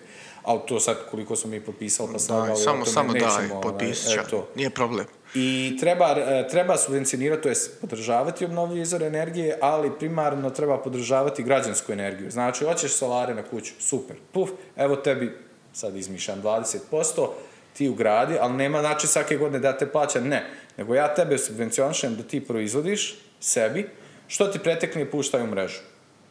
I s te strane, znači, ljudi štede, a, elektroprivreda dobija dodatnu energiju. Ne mora samo elektroprivreda da pravi sve. Manje ćemo trošiti uglja. Upravo. I termoelektrane Naprimjer. totalni Da, da, da. veto. Znači nema više. Niti Aha, jedna. aha. Ovaj, a što se tiče obnovljivih izvora energije na onako tih većih postrojenja, imamo puno potencijala za vjetar, imamo puno potencijala za solar, ali treba i tu, naravno, nije ni to sve potpuno 100% Pa Gdje bi bilo čisto. za vjetar? Izvin, znam da ti slabo ide Za vjetar ima već... E, Kod Mostara ima. Da, kod Mostara već ima, ima ovaj, po Hercegovini već ima ovaj lokalitet. Mislim, dobro, po Vesinje, ja mislim da je zanimljivo. Tamo i so, solarno isto, tako? Da, da, da, evo sad u Gacku treba biti najnovija solarna, ali osim ti kad pogledaš jednu Njemačku, znaš, koja je, ono, što se tiče solara, ono, raspucali su se ljudi skroz, a A nemaju toliko ne, sunčanih ne znam dana. koji postotak sunčanih dana A mi koji smo je- nas. Ako, izvin, I opet, izvini, energetska efikasnost, energetska efikasnost, energetska efikasnost. Misliš to misli sad na, na aspekt potrošača, tako? Na sve, ali primarno sad kod nas za potrošače. a kako možemo mi sad konkretno, ono, Pa to ti je sad cijeli, neki, to ti je ono- sad cijeli niz, mislim, od gradnje kuće, kako ti nju gradiš, kakve materijale koristiš, da li je izolovana, nije izolovana, pa do samo, imaš tu i e, behavioralne promjene, ali opet ja nikad ne bi prvu krivicu svaljivao na, na, nas, čovjeka, na, da. na čovjeka, sistemske promjene su puno bitnije. Ma nema tog ništa. Ovaj, a što se tiče, i onda imaš i biznis svakako koji ima ekonomsku Da. računicu. Ovaj, sad, stvarno, kako putujem kroz BiH, sve više viđam ono, proizvodne hale da su prekrivene solarima. Ali treba još uvijek, sad ja mislim da treba da se desi ta promjena u zakonu, još uvijek je previše komplikovano da ti sebi ovaj, izgradiš uh, solare, još uvijek je tu komplikacija. Fali još jedan papir, jel? Fali još jedan papir, posebno u tom trenutku gdje ti trebaš da, na, ako hoćeš da je i, i prodaješ i proizvodiš za sebe A, joj. ako hoćeš da puštaš u mrežu. Tu je komplikacija, mislim da je poprilično niska količina ovaj, nizak kapacitet za koji ti već moraš da vadiš da. dodatne dozvole. Ali, pazi, nije to sad nešto toliko Skuplja strašno, to je par tepsi. papira, jer u Hrvatskoj do prije par godina, sjećam se kad smo bili na nekoj edukaciji, kaže lik, mi smo, ne znam, trebali izganjati 264 papira, dok smo došli do 263. onaj prvi istekao. Ali sad tamo ide ovako. Tako da je to sve, su to neke dječje boljke koje se prebole i sad kad gledam recimo od 2030. na ovamo, sad vidim da je to malo više vremena nego što, što sam mislio, sam meni još uvijek nešto 2017. 18. glava. Ali na, poprilično se to ra- brzo dešava, jer ljudi polako isto uviđaju logiku gdje, pazi, ne, ne komuniciramo telegramima više, a i dalje ložimo čumur, znaš da, da. nema smisla, znaš, da komuniciramo iPhone-ovima, a Da, da. da lopatamo Pa- ugalj. Ja kao ekonomista vidim to, znači ako ti zapošljaš 1400 radnika više, tvoja računca bila 600, 2000, Da. znači ako plaćaš 1400 plata, a ne odvajaš za kapitalne investicije i za održavanje tekuće, bla, bla, bla, E pa tu, tu je isto problem u logici ljudi ono, i taj trenutak gdje nije, nije stalo do njihove onda firme. nek ti komšija dobije rak, jel? Pa bukvalno ti kad pogledaš, jer ga. ima isto analiza i to ćemo ubaciti linkove koliko nas košta sva, sva ta zdravstvena, ovaj, sve te zdravstvene posljedice, bukvalno se više isplati uzeti tih viška 800 Upravo. radnika i, i plaćati im da sjede kući. Mene su Kraj tako krajeva. učili, da, isto to, da, bolje znaš, tr- treba mjeru naći tim makro, makroekonomskim mjerama u smislu bolje posao da ljude manje puše, sad ba- banalizujem Mm. primjer, nego da ih liječiš od raka pluća sutra. Upravo to. Upravo tako. A jel znaš možda, opet, konkretno i praktično, da znaš možda k- koliko je komplikovano nabaviti solarne ploče za Bosnu i Hercegovinu? Pošto kod nas ima, na području Gradiške ima čovjek koji je sad napravio solarnu farmu u Lamincima, šaraut za bujata, ovaj, i lik ono, ima već neki kont ko, za koliko se to isplati i sve je već, nap, znači, Da, već da, je da. napravljeno. A, Biće ubrzo super projekat centra za životnu sredinu, ponovo ne znam, jednostavno su mi ti ljudi i ta organizacija toliko u srcu. Ovaj, referentna su mi tačka za sve ekološko BiH. Ovaj, e, radi projekat Solarna Pecka u, u selu Pecka kod Mrkonjića.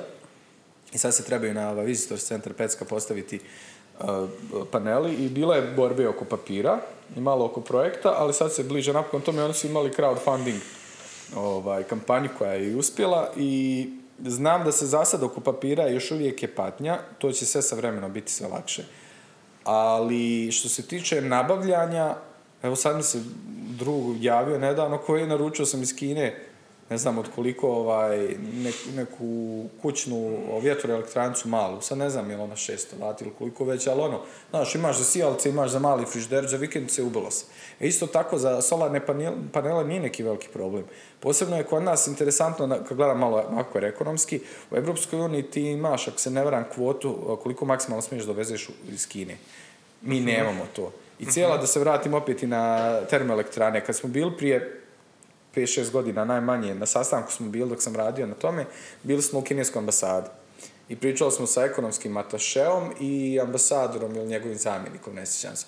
I sad je bila priča kao, pa joj ljudi što toliko ugalj ovaj, gurate? I on su rekao, mi ne guramo ugalj, mi imamo našu inicijativu, pojas i uh, Belt and, kako se zove, bože, Belt and Road, ili kako već, ovaj, njihova globalna inicijativa gdje oni idu prema EU, ovaj, i usput sve zemlje zahvataju, idu morem, idu preko kopna, i ovaj, daju ogromna sredstva, kredite daju. Ne daju, ne daju sredstva, daju kredite. To se treba ljudima tuviti u glavu, to je baš bitno. Jer posebno kod nas, a ti se reče da si ekonomista, kod nas svako malo prikazuju pa, ovaj, rast BDP-a i e, ovaj, rast doprinosa, a u, u njih uključe kredite. Neće doći. I ovaj, onda sam rekao, nije nama problem, mi, mi, mi hoćemo da o, podržavamo energetski sektor, hoćemo da podržavamo putnu infrastrukturu i još nešto. I mislim da uopšte na infrastrukturu i građanski oko onako nebitno. I ovaj, radili su oni kod nas nešto na železnicama, ali kaže, vaši su ljudi ti koji nama samo guraju termoelektrane. E sad, ne me čudilo isto kinezi, ne znaju šta će s ovim termoelektranama, jer polako i oni smanjuju, probijaju rekorde sa solarom, Čuo sam da su sad ponovo izašli iz, iz Parijskog sporazuma. Kinezi? Da. Ha, morao bi pogledati. Kao možda. priča je da, da vrate, da imaju toliko tog dobrog uglja tamo u dalu slivu rijeke Yang ili tako nešto, da, da je brutalno koji je kvalitet uglja i kao da su odlučili da izađu iz Parijskog sporazuma da ponovo ovaj, se vrate Ne, ja znam starom da su oni sranju. prije, prošle, preprošle, godine, tipa 148 gigavata, gigavata ovaj, uglja rekli da neće graditi, odustali i da ono svako, svako malo baraju rekorde za solar. E sad opet kažem šira priča, nije ni solar potpuno zelen. Mi uvijek moramo razmišljati o smanjenju korištenja energije, koji se može postići na razne načine, ne samo tehnološki. Ti, ti primarno trebaš uh, ono što kod nas nije prisutno u glavama, oni koji razviju politike, jer ima puno ljudi stvarno koji rade ok stvari u vladama i u, i u službama, u ministarstvima. Evo ga, neko ali nešto oni mora i radit. Tehnološki, e upravo to, i oni se razbijaju od posla, i ono, shout out za sve njih, znate ko ste. Pridružujem se, da. Ali njih se Također. ne pita, ali oni pružaju stvar to pravo znanje. Žao mi što su oni nisu uje- ujedinjeni, ali dobro. Ovaj, to je već Trebaju napraviti sindikat. Sindikat savjesnih službenika javne uprave. koji su tako radili i ono, mobbingovali ih ministri, dobijali na sudovima, ali ono, doživljavali ljudi burnoutove i ono, napuštali, uzmali tužbe, keš i... Ode ja u izvjesi. Njemačku, da. Pa, Ma dobro, nije ni bitno. ne, ali da, da, da, da, da, svakako. Tako da, ovaj, mi imamo tu opciju gdje e, imamo taj trenutak, jer isto ti ga planiraš energetski sistem, ti gledaš, ok, koliko mi je života preostalo na termoelektranama, ako ja imam 10 novih termoelektrana, ja stvarno puno gubim ako ih gasim, ali naše termoelektrane iz 60-ih. Gacko se svako malo kvari, oni nisu otkrivku pripremili, dole je kriminalno što rade, lo koliko je loše upravljanje. Ovaj, Inače, mi, bukvalno to su ono utezi kojih se moramo riješiti, ali moramo napraviti plan za takozvanu pravednu energetsku tranziciju. Znači, ne da ljude samo šutneš kućama, ili što se desilo u jednom gradu u Srbiji, neku su veliku fabriku ovaj, zatvorali i kao likovi su zatvorili fabriku, da li si imao, bubam, 10.000 evra otpremnine, za mjesec dana ono 15 kafića se otvorilo, u gradu za 20 dana propali svi kafići, znaš, i ono kao to je, ljudi. To je osnovno utočište ovaj, potencijalnih preduzetnika. Pa naš kreativni preduzetnički, Da, da, da, da, to je, balkanski, to je onako otvor kafana. Da, Pa cijela, prođe, ako bude dobro, ako ne bude, bit će majko. cijela pozadinska priča, koliko sam ja shvatio iza Kine, je kao da oni moraju zaposliti ljude. I ako treba da se kopaju jebeni rudnici, buraz kinez će ići radije kopat rudnik nego, nego biti u sporazumu. Pa mislim, to je ono što sam ja mogao da zaključim. Čuo sam to na nekom Pa Kini, podcastu. a Kini se i može za to, da tako postupa. Pazi, ja ne znam sad za Pariški, stvarno moram da provjerim, ali Pa provjerit ćemo recimo sad, kinezi ti imaju, kod njih kad gledaš, bači oko, bači Google, ali kod njih ti kad gledaš njihov recimo pristup, koliko sam ja ukebao, opet nisam stručnjak, njihov pristup, uh, oni kad prave neku veliku politiku ili nešto, oni ti nikad neće ono, kao naš, mi ćemo biti najbolji, mi ćemo biti to, mi ćemo biti on. Oni uvijek ono, uh, manje obećaju, ono kao underachiever fazon. Manje obećaju i onda se hvali kako su premašili očekivanja. Tako da to me ne bi čudilo kod njih, a Pa dobro, generalno su oni fascinantna nacija. Oni otimaju pustinju, ono, pošumljavaju, rade oni bitne stvari. Oni su se čak i, i kako bi rekao, ekološki su oni promijenili priču Jes, dosta jes. u posljednjih nekoliko godina. Kad I stvarno se da. nameću kao lideri u svemu, buraz. Ali zato jer tu vide keš. Mislim, i ti kad gledaš njihovu elektroniku, kod nas je prije bilo i kineski otpad, ovo ono. Ne, oni se sad prebacuju u kvalitetniji taj sektor. A recimo, počeli su i oni čak ono, u Indiju eksportovati, recimo, onaj šivenje odjeće i slično. Da, Kina piše da je članica. je- Možda su najavni, Ja sam čuo da će izaći. Ratifikovali su 17. potpisali 16. Entry into force. da to... A, ček, ček, ček, ček, ček. 4. novembar 16. Znači, Uglavnom, se znači, solarni 16.. paneli, mislim, generalno je priča da solarni paneli se, sve više i više postaju jeftiniji, jer opet kinezi su umiješali u priču, Da, ima da. masa kompanija koje su... Ali to je ono- economy of scale. Da, Znači, naravno, ima veze i sa... sa-? Da, ekonomija obima. Obima. Znači, Tako je pa kod mene u knjigama bilo.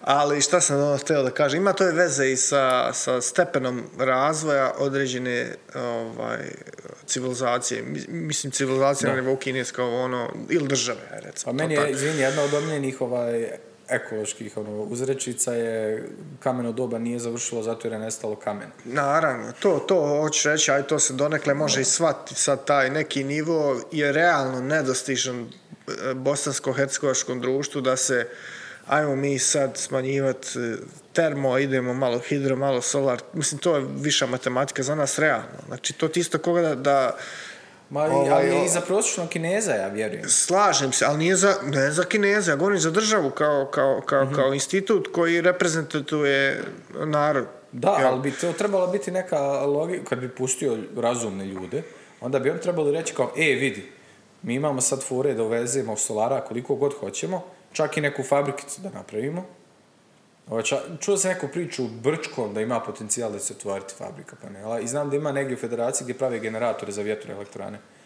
Znači, mm, to sve sami počeci, a govorimo o ono, kako bi rekao, o nivou, kad ajmo poštima to ovo, ono, ovo, e onda tek možemo ekologiji. Mislim, to je normalan tok, tok Da, da. stvari, ne, ne možemo mi se sad baviti. u osnovi nama je samo, mislim, samo, ovaj, nama je korupcija glavni protivnik.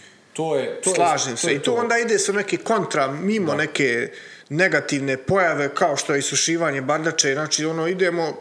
Ili subvencionisanje Okej, malih hidroelektrana, Ne moramo... Da, da, mislim, koji su neki komunistički projekat, ono, u slučaju da se obori cijela mreža, kao da imaš neke najosnovnije, ono, Da, da, da. Pa- uslove. Ali eto, ti imaš istu situaciju u Srbiji, imaš istu si- situaciju u Crnoj Gori gdje ono, mislim da je brat od Mile Đukanovića kum, ono, ima neki mali Brate. tako neka priča. tako da, ovaj, to je poprilično onako, i da, što se tiče, kad sam već to spomenuo, još jedna, kad, kad si pitao rješenje za energetski sistem, još jedan ovaj, dio te puzle jeste u stvari regionalno ujedinjavanje. Jer ti kad imaš ono, ono što ljudi kažu koji su protiv gašenja termoelektrana, kao kako ćemo balansirati? Jer mreža uvijek drži isti napon i ne možeš ti sad odjednom samo da ono, ovaj, nabuđiš svu struju i čuvaš je neke struje, uvijek teče, nije, nije ona da, da. u kanisterima, eventualno jeste u baterijama, ali od toga smo tek daleko. Ovaj, e sad, nama je potrebno to regionalno da se mi ujedinimo, da bude što bolja povezanost, u- plus mogućnost pametnih mreža, tako da tako bliže, da bismo mi mogli da razmjenjujemo. Aha, fali sunca ovde, da povuci vjetar odavde. da, da, radi sinergijskog efekta, jasno, jasno. Ovaj, A koliko smo da- daleko tek od toga? Da sjednu... Ali opet, objektivno, kada bi se sklonila ta koru- jer to jeste opet, kako god mi idemo, uvijek se vratiš na tu korupciju, jer ni, mi finansijski to nije problem. E, imamo pametnih ljudi, tehnološki nije problem. Ja ne sumnjam da imaš tipa 500 svjetskih eksperata širom svijeta naših i tuđi koji bi ovdje rado došli da to rješavaju, jer men, Da, ja uvijek volim vidjeti ljude, posebno inženjere koji su, stra, e, koji su strastveni. To je toliko fascinantno vidjeti kad, kad pustiš dvojicu takvih ljudi da pričaju i ti gledaš sa strane ovako, ono, nasloniš se i, i uživaš kako oni ko mala djeca, brate, puze jest da slažu. Ali nije to baš i da je, da je tako, kako bi rekao, nebitna tema. To je jako bitna tema. To je jedna od presudnih tema za naše društvo. Pored ovih nekih, pošto ti kažeš striko da kao, znaš, treba poslagat masa nekih prije stvari da bi došli do tog. A brate, strujat je jako bitan moment u životu. Je ono. jedan geostrateški najbitnijih. Ali mislim, sad se to radi, sad se to radi paralelno u osnovi, tako da Pa nije da, to ali ti, ništa ovo ti pa termo ovo, imaš možda 30 paralelno ići. godina Ne, još. govorim, Možda, i to je ono, pitanje. ne- ta, ta svijest Planiraju, ali... se neće Da, pitanje koliko ima. Da. ono, planiraju, ali pitanje, da, onaj, tako da... Znači, jel, jel 5 do 12 za školstvo? ja ne znam, Pa, mislim sam brate, više figurativno. apsolutno. Da, da. Prvo, prvo izbaciti vjeronauku, pa onda o Da. solarnim panelima. Nema, nema, neka. I, a šta je sa momentom, e, do- dosta se u zadnje vrijeme spominje Bitcoin, ono, kao Da, da. jako bitna tema na svjetskom nivou, i onda se spominje kolika je to ekološka katastrofa, jebote. Pa ne znam baš da je katastrofa, ali ima negativne, ono... Pa ima ogromne ener- energetske potrebe, znaš. A ako mi moramo u budućnosti da bismo Održavali bili, to, da. o, ovaj, us, karbonski što manje inten- intenzivni i da bismo što mi osnovno moramo da smanjimo potrošnju energije, a Bitcoin radi upravo obrnuto, on troši ogromne količine Ali ako energije. bi bio substitut, onda bi trebalo oduzeti za sve naš, ono to je kontra. Ali tu se javljaju potencijalni problemi, sad imaš kvantne kompjutere koji razbijaju te šifre koje Bitcoin ima ovako, brate. Da. Tako da, znači, mora i Bitcoin da raste sa kriptovanjem, a to je pitanje da li će oni ispred to, ono. Pa I onda koliko ali je to onda još dodatne energije potrebno da se... A isto tako suđeš ljude na poprilično ono high tech, da, si, da će cijela sva društva morati biti poprilično high tech, što opet implicira da će ono puno više gadgeta trebati i koje šta. Ne znam, meni nekako, meni je to Ajmo bit medium krećenje, znaš, meni je to Jest, malo jest. krećenje jer im- ima izraz degrowth, recimo, koji je meni jako puno draži primjer, koji nas je pre, pre- preveden kao odrast, jer nerast je već zauzeto kao izraz. I gdje stvari i to promišljanje o tom nekom ekonomskom sistemu bi u stvari trebalo da se promijeni, jer onaj Bitcoin je samo još više istog, znaš, nije to neka drastična revolucija, opet se ti držiš tog nekog monetarnog pristupa i jedino što sad nemaš ono zlato, već prije koji dan sam zim pročito najbolje obo- ono objašnjenje kao šta je, kao kako se pravi Bitcoin. Kao zamisli da ostaviš auto u leru i on ti rešava sudoku. I tako dobijaš pare. E, to je sve okej, jedino što, ono, ključna razlika što nema regulatora. da. Što je deregulisan i to je neka osnovna i što ima određeni nivo praktičnosti, pragmatičnosti, ali ono, koji nije nešto sad naročita korisnost u, u- u svakodnevnici Da, pojedinca. Pa dobro, generalno ga smatraju kao neku valutu u kojoj bi trebao da štediš, ne, ne sad da radiš neke transakcije toliko često. Ali recimo interesantan trač koji sam čuo je da, pošto je jako, da se opet to povežemo sa termoelektranama, između Srbije i Kosova, tamo bio je veliki problem sa jednim dijelom električne energije iz termoelektrana koji je nestajao, nije se znalo. Čak, je, čak su i satovi u Evropskoj uniji, u dijelovima Evrope su da li kasnili ili brzo, ali par minuta ili sekundi, jer frekvencija nije ovaj, mijenjala se frekvencija i ima čak priča da tamo postoji ilegalni, da ima ogromne fabrike, onaj, bitcoina, Farme, farme, koje koriste u stvari tu da, i da se tu vuče ta energija i da su umješani. Što znam se nijako- gubi ta, da. Da, što onako baš krimi Kinezi priča. isto ušli u priču sa Bitcoinom Gruzija. opasno. E, no, iz, iskaču mi reklame, on nude svoje neke sad, ono, kao... Šta, za mining ili? Ne, svoje kriptovalute, kao kupi sad dok je 0,15 dolara i to, ono. Jučer sam vidio interesantno kao neka nova valuta koja neće koristiti tu RAM procesiranje, već će kao koristiti u stvari memoriju. Ali onda su već rekao, pa da, ali onda je ono najbogatiji ko pokupuje su memoriju, samim tim skoči se cijena, ono... O, Pa već najavljuju da će skočiti cijena RAM memore. da, Pa mislim, nemoj to, brate. da, nemoj to. Treba se. Fukushima kad je bila... Ne, ozbiljno, ozbiljno se, Da je ozbiljno se skočila cijena eksternih hardova. Jel? Da, da, Jel? skočila bila duplo, troduplo, jer su oni pravili neki motorić tamo blizu fabrika koja je nastradala, pravili ZAZ koja je bila glavni ono, distributer ti nekih dijelova za, za eksterne hard diskove. I ono, bura skočilo duplo. ono. Znam zašto sam tad kupovao. Neki ljudi tvrde da, da će Bitcoin da izgubi vrijednost onog trenutka kad države se odluče da prave svoje kriptovalute. I vrate, to je dosta bitan moment. Također ti kvantni kompjuteri koji dolaze, brate, jako bitan Koliko moment. je to daleko? Kvantni kompjuteri nisu toliko daleko, nego je problem njihova a, mobilnost. Znači, ne, ne mogu se, ono, moraju biti u nekim idealnim uslovima, ono, moraš imati laboratorijske uslove Da, da, da, to... Star Trek neki Ali, brate, moment. to je moguće izvest, razumiješ? Države to mogu financirati, Ja, kad je mogu počinjao, to kad je počinjao Bitcoin, kad sam bivao pitan za savjet, a nisam dobro davao u smislu, mene je pitano mogu ja zaraditi od toga, ja sam odgovarao nekom. Možda možda ne možeš.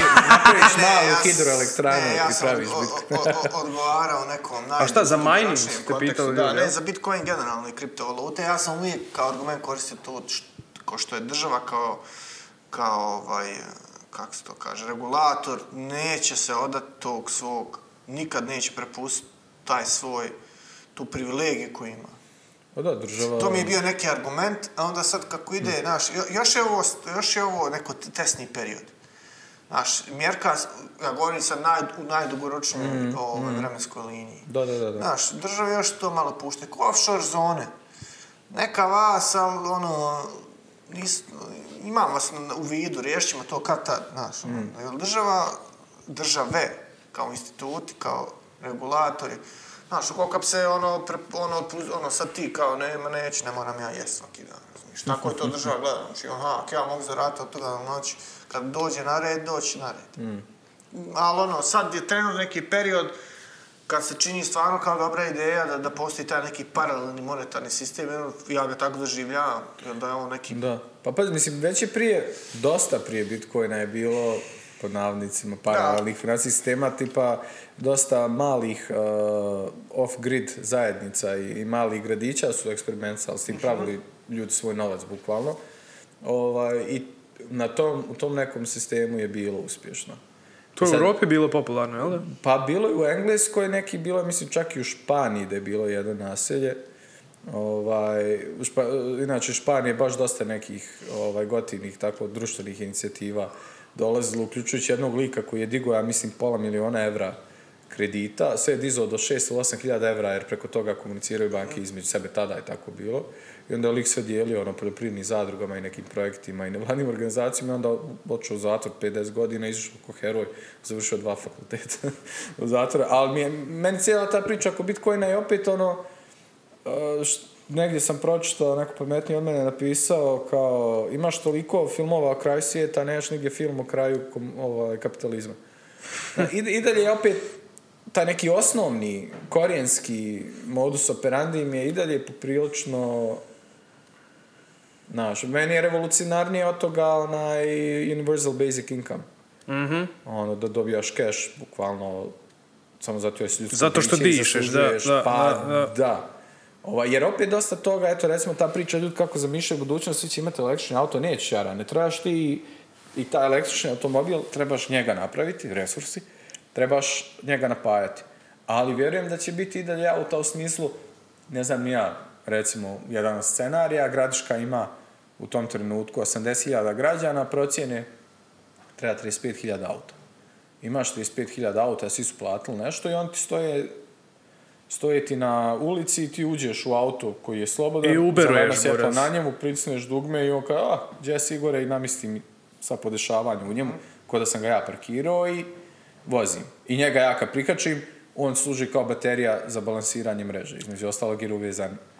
Čak i sa su neke, neke su priče, da se na da li, da li direktor uh, Mercedes-Benza, ili ili tako Mhm. neko je kao rekao, kao da, da shvata da u budućnosti ljudi uopšte neće imati potrebe da budu vlasnici automobila, Upravo da to. će jednostavno imat ćeš ono, moćeš se uberovat bilo gdje, brale. Pa to Tako plus- da, je- da, je- da je potencijalno moguće da, vrate, ti imaš to AI za- koji za- vozi, Za ekologiju. vozi auto, razumiješ, za ono, od tačke A do tačke B gdje ti treba, gdje ti ne moraš uopšte biti ovaj, ni vlasnik, ni ništa, platiš ono, koliko je karta i to je to. Ili će biti ono, u nekom malo više socijalističkom scenariju, bit će javno dobro.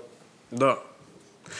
Još jedan dobar nemoj se ovaj, Ne, ne, ne, još jedan dobar saj kod tih momenata uh, gdje zajedno ljudi tvore neku ono, malo dublju zajednicu, je banka uzajamne pomoć koji je Da. dobar model bio, mislim da se u Europi dosta koristi, ono, kao stalno daješ u tu banku određeni iznos koliko možeš da daješ, onda kad imaš neku kapitalnu investiciju, povučeš pare i vraćaš ih bez da, da daješ kamatu, znači vraćaš samo koliko pozajmio. To isto nije, ovaj, nije loš model za, za neke, naravno, naprednije zajednice, bi ga, ne, ono, kao, e, dobro došao. Aj, joj, brate, kako to givište bi pokvarilo. Kod nas, da.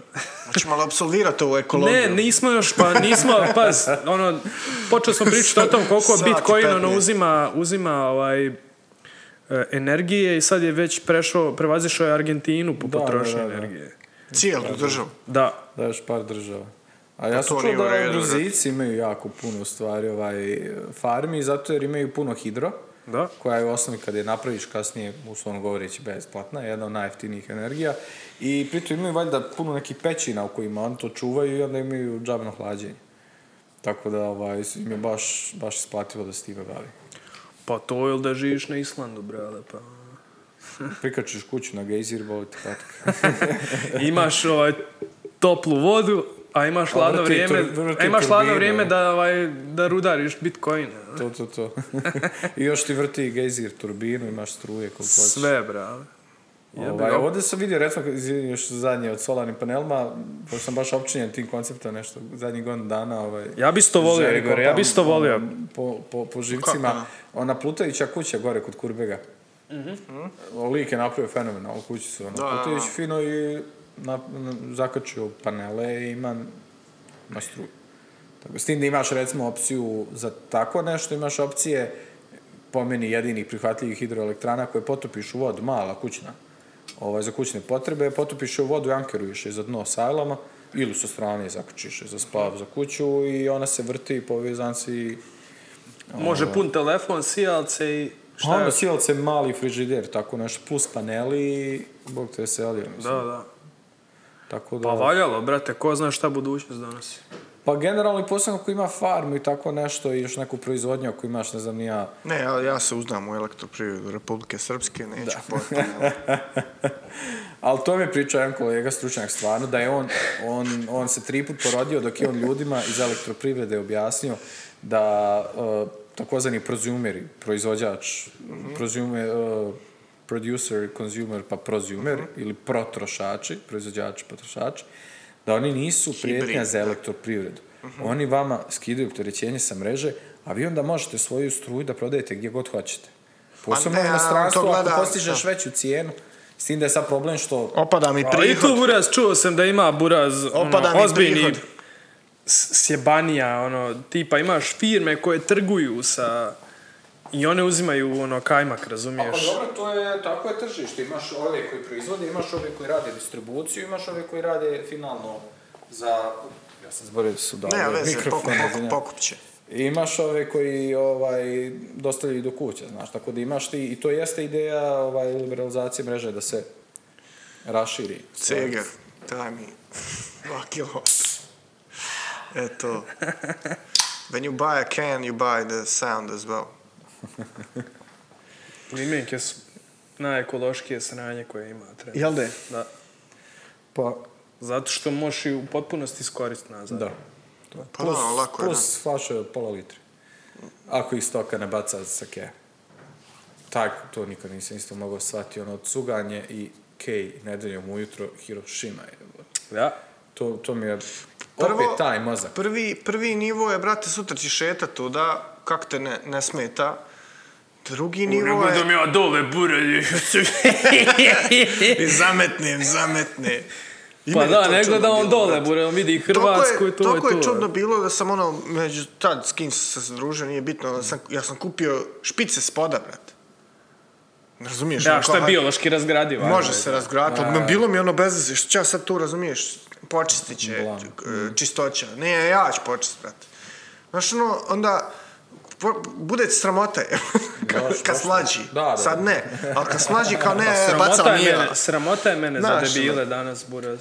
Iskreno. Transfer blam. Ne, bude Jes sramota. transfer blama, klasični. Ono, A dobro, sad, znaš Kao, kako je? dijelimo isti životni prostor, brale. Ono, budiš u isti vazduh. Tako je kući, ono, ne kontam. Jel ti tako u kući se penješ na kiosk? jel? Ja, Pitate bukvalno. dobro. A nije, nije sad men, da se ja imao neki odgoj da mene mat pokojna lotacka poslije neka moraš. Ni, ni, ništa posebno da se tu nije. Možda malo me zakačilo onaj neki onaj dobar vibe XU osnovne škole, ali ono, ništa posebno. Bogam, ali- kod mene stari bio ekološki osviješten, ono, pošto mi agronomi imamo ekološku povelju da se moraš ponašati. Pa dobro, to je cool. Tako da, Hoćeš, brate, nije da sebe ono- nešto veličavam, ne kontam odakle sad to men, a da Pa njem fali. Baš to, baš to. Da li je moguće da je toliki, Da. tolika razlika između dvije kuće koje su na 50 metara? Ja, ja, kako toliko razlike. Apsolutno fascinantno. Baš. Ovaj, da, za tema ekologija može sad ovaj da... Ajde, probaj, te- brad, opušteno. šta? tačku dnevnog reda. Jel Pa ne znam. neku? Nemam, imam ono što smo se u preddogovoru dogovarali. Pa dobro, mislim, ekologija je jako, jako bitan moment i to je Naravno da je neiscrpna tema. ovaj, zaslužuje i ćeš me na 20. svoj farmu jednom. Može, može. Nije nikakav problem. Pa ništa, šta, kako ćemo komentarisati smrt DMX-a, buraz? Jel vam, jel vam to teško palo? Blaženo počivši. E, meni nije teško palo, malo me ono, po- po- poigrale su mi se emocije po glavi, ali ono, nek se smirio, brate. Pa šta bi, jel kancer? Srce? Pa nije Ne, overdose. srce. Droga, brale. Ozbiljno. Overdose, brate, on je baš bio ono... E, nisam njega toliko slušao, ono, bilo ono par stvari koji su bilježili. Jedino sam vidio jutros na Twitteru da ovaj, ova pogrebna povorka da su mu ovaj kopčeg nosili u monster trucku, ono me, kao, kako se zove, Da, da, on je američki kamion, velikim te? Ma da, oni tipa točkom, ono Bigfoot, da. oni Da. A, su da, da, da, Riders. kao u Thompsonu, tako da ono totalno je bio, vidim da je gasao lik, ali ni- nisam znao da je on ono, da je ta A, priča. cocaine is a hell of a drug, fazan.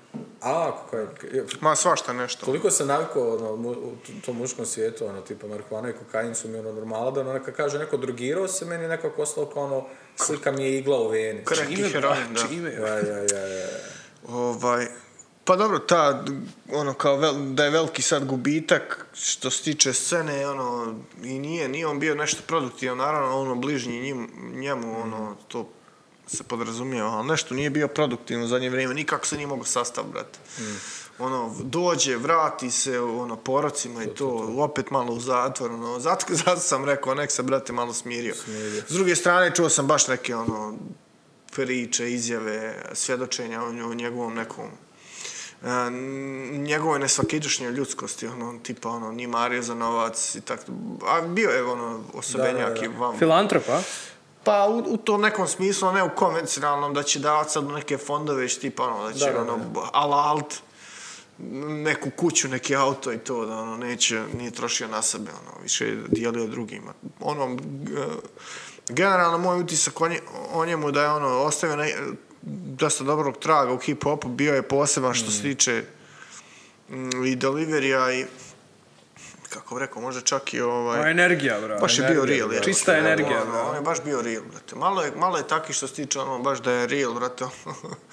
A, vidi se da nije ne, ne, neki inženjering iza toga. Ovaki trebaš biti, ovo si trebaš, ono, baš bio to sam što sam. E, to je, tak, tak ću ga ja upamtiti, ono, da, da je raritet po tom pitanju. Pa ja nisam dovoljno duboko ispratio njegovu k- muzičku karijeru, ono, jesam te neke, ono, bengere, ali al nisam baš, ono, preslušavao albume, mislim, žao mi čovjeka, mogo je još mm. živit, ali ako je bila patnja, brate, što Ma ti jest kažeš, bilo. nek se riješi, ono. Da, isto tako, isto tako. S tim da ja što se tiče produktivnosti, onaj, jeste prekli? Samo roka, brate. S tim da ja što se tiče produktivnosti, onaj, to sam kod Kendrick Lamara skužio neki trenutak, jer su meni prva njegova 3-4 albuma do ovoga Pimpa Butterfly skroz promakla, gdje A nisi slušao da- Section 80? Prije ne. Gdje ti onda skužiš, ili ja, ili se to meni dešava, ali imamo se da je tako da ima hrpa baš dobrih ovaj, svih muzičkih pravaca, likova, koji u Americi ono, imaju po četiri albuma, ali nikad ne prijeđu u Europu. Naravno, nalaziš ti na forumima ako si u tom žanru i tako da, tako bliže. Ali ljudi ono, po četiri, pet albuma ono, objave, proslave se tamo, ne znam nija koliko, i tek nekako uspiju se probiti i onda ono, ne znam, ja, rasture Europu, rasture onaj, Af- Afriku, Da, ono, već kad su već. izduvali pomalo. Pa da, da, s već kad DMX-om su- nije tako bilo, on je bilo on od starta on eksplodirao, tad je i talas repa baš bio ono nekako... jači. Baš je bilo. Sad je malo nekako slabiji, utopio se u taj pop, u širem smislu, pop žanr. Možda Ja- sam mi materi.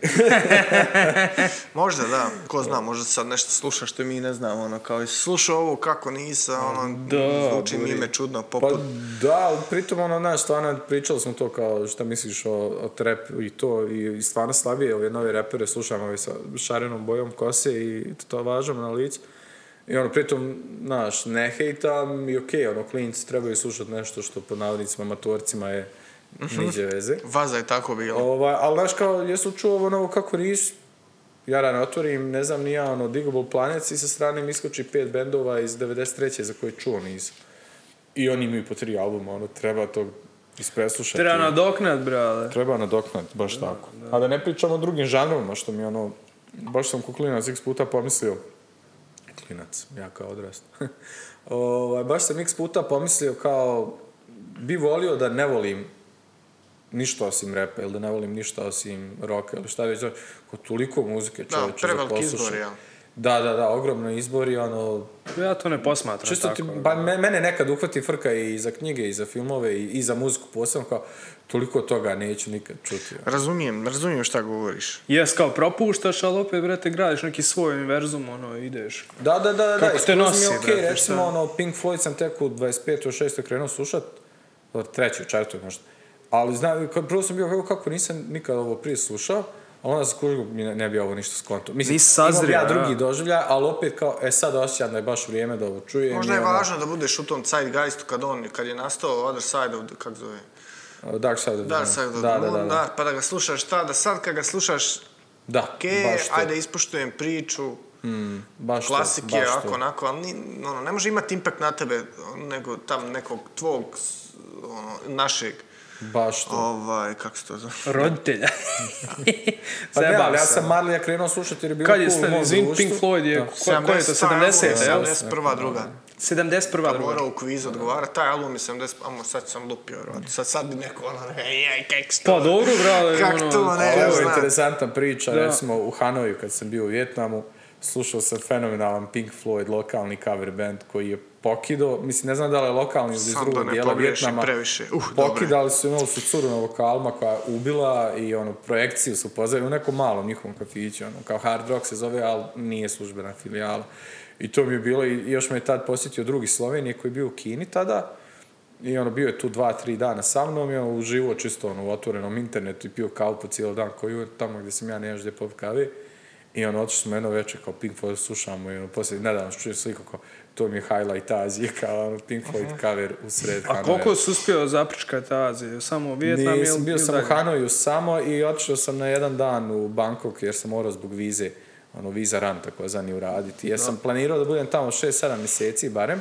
Da Jesi nešto bio I poslom? onda putujem, da, radio, predavao sam engleski i prirodu i društvo na engleskom. I bio mi to plan da šakam 7, 8, 9 mjeseci i onda da proputujem. U toj prirodi ali nešto se doticalo ekologije u kurikulum.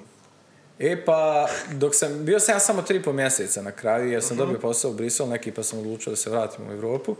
A, bilo je, pa bilo je oko, nije, nije, bilo je više kao biologija, ali je bilo interesantno recimo, ovaj, pošto je to bio eksperimentalni razred i onda udžbenici nisu bili baš najbolje prilagođeni. Recimo, radili smo, ovaj, u tom sam na kraju baš uživao, iako je bilo malo zeznuto u startu, radili smo jedne sedmice, radili smo svake sedmice drugi sistem organa i onda su došli do polnog sistema. I skužemo mi ono klincima je 10, jedan- 10 godina, ono, pa rano je to, znači krenuo i rekao ajde da testiram, nekako najviše su stradavali ovi u ponedeljak koji su imali čas jer smo bili probna publika, znaš. I, ovaj, I onda malo krenem, hoće, neće i ništa, izostavim ja neke dijelove i nakon tog časa savjetujem se sa razred, ovim uh, asistenticama koji su vjetnamke učiteljice i ovaj, kažu, pa ništa, možda bolje da vi pričate njima o pubertetu i tim stvarima. I stvarno sljedeća tri odjeljenja što sam imao, uzeo bukvalno izvuku stolicu na sred časa, sjeo, Rekao, sad ćemo pričati o malo čudnim stvarima, bit će vam neobično i bilo je fenomenalno. Mislim, prvo se crvenili, pa se zezali, pa ne znam ja, pa fuj, pa bljak, pa onda učiteljica malo sa djevojčicama, ne znam ja, krenuli priča, menstruacija, vam tamo.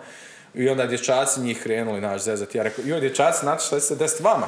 A joj, i onda ja njima krenim, onda curce se njima smiju, znaš.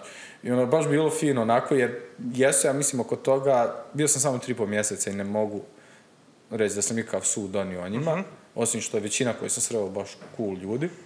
Ovaj, ali, je- ali mislim da su oko toga malo zatvoreni. Bruk su ljubazni, stvarno okej. Sretljivi. Susretljivi su i onako do duše, znaš, kao bijelac i dalje ono, poprilično si malo atrakcija, ima dijelova stvarno gdje rijetko viđaju, jer Hanoj je ogroman grad, ne znam koliko miliona, ali oni kažu, znaš, kao ideš u selo, meni je tu bilo radno mjesto, ono 10,5 km sam išao od centra, ali to stvarno, vidiš da je to totalno drugi kont, mada krenula je već izgradnja, a izgradnja je ono, Ma da, znaš, kao odeš na pijacu, ne odeš na tu pijacu dva dana, vratiš se ono zgradak, već Ma da, on je kao- roka, on je veliki Neymar, jako sam bio u Kini, vidio sam, došao sam te velike baš centre, ono. Da, Kina posebno. Ali to je...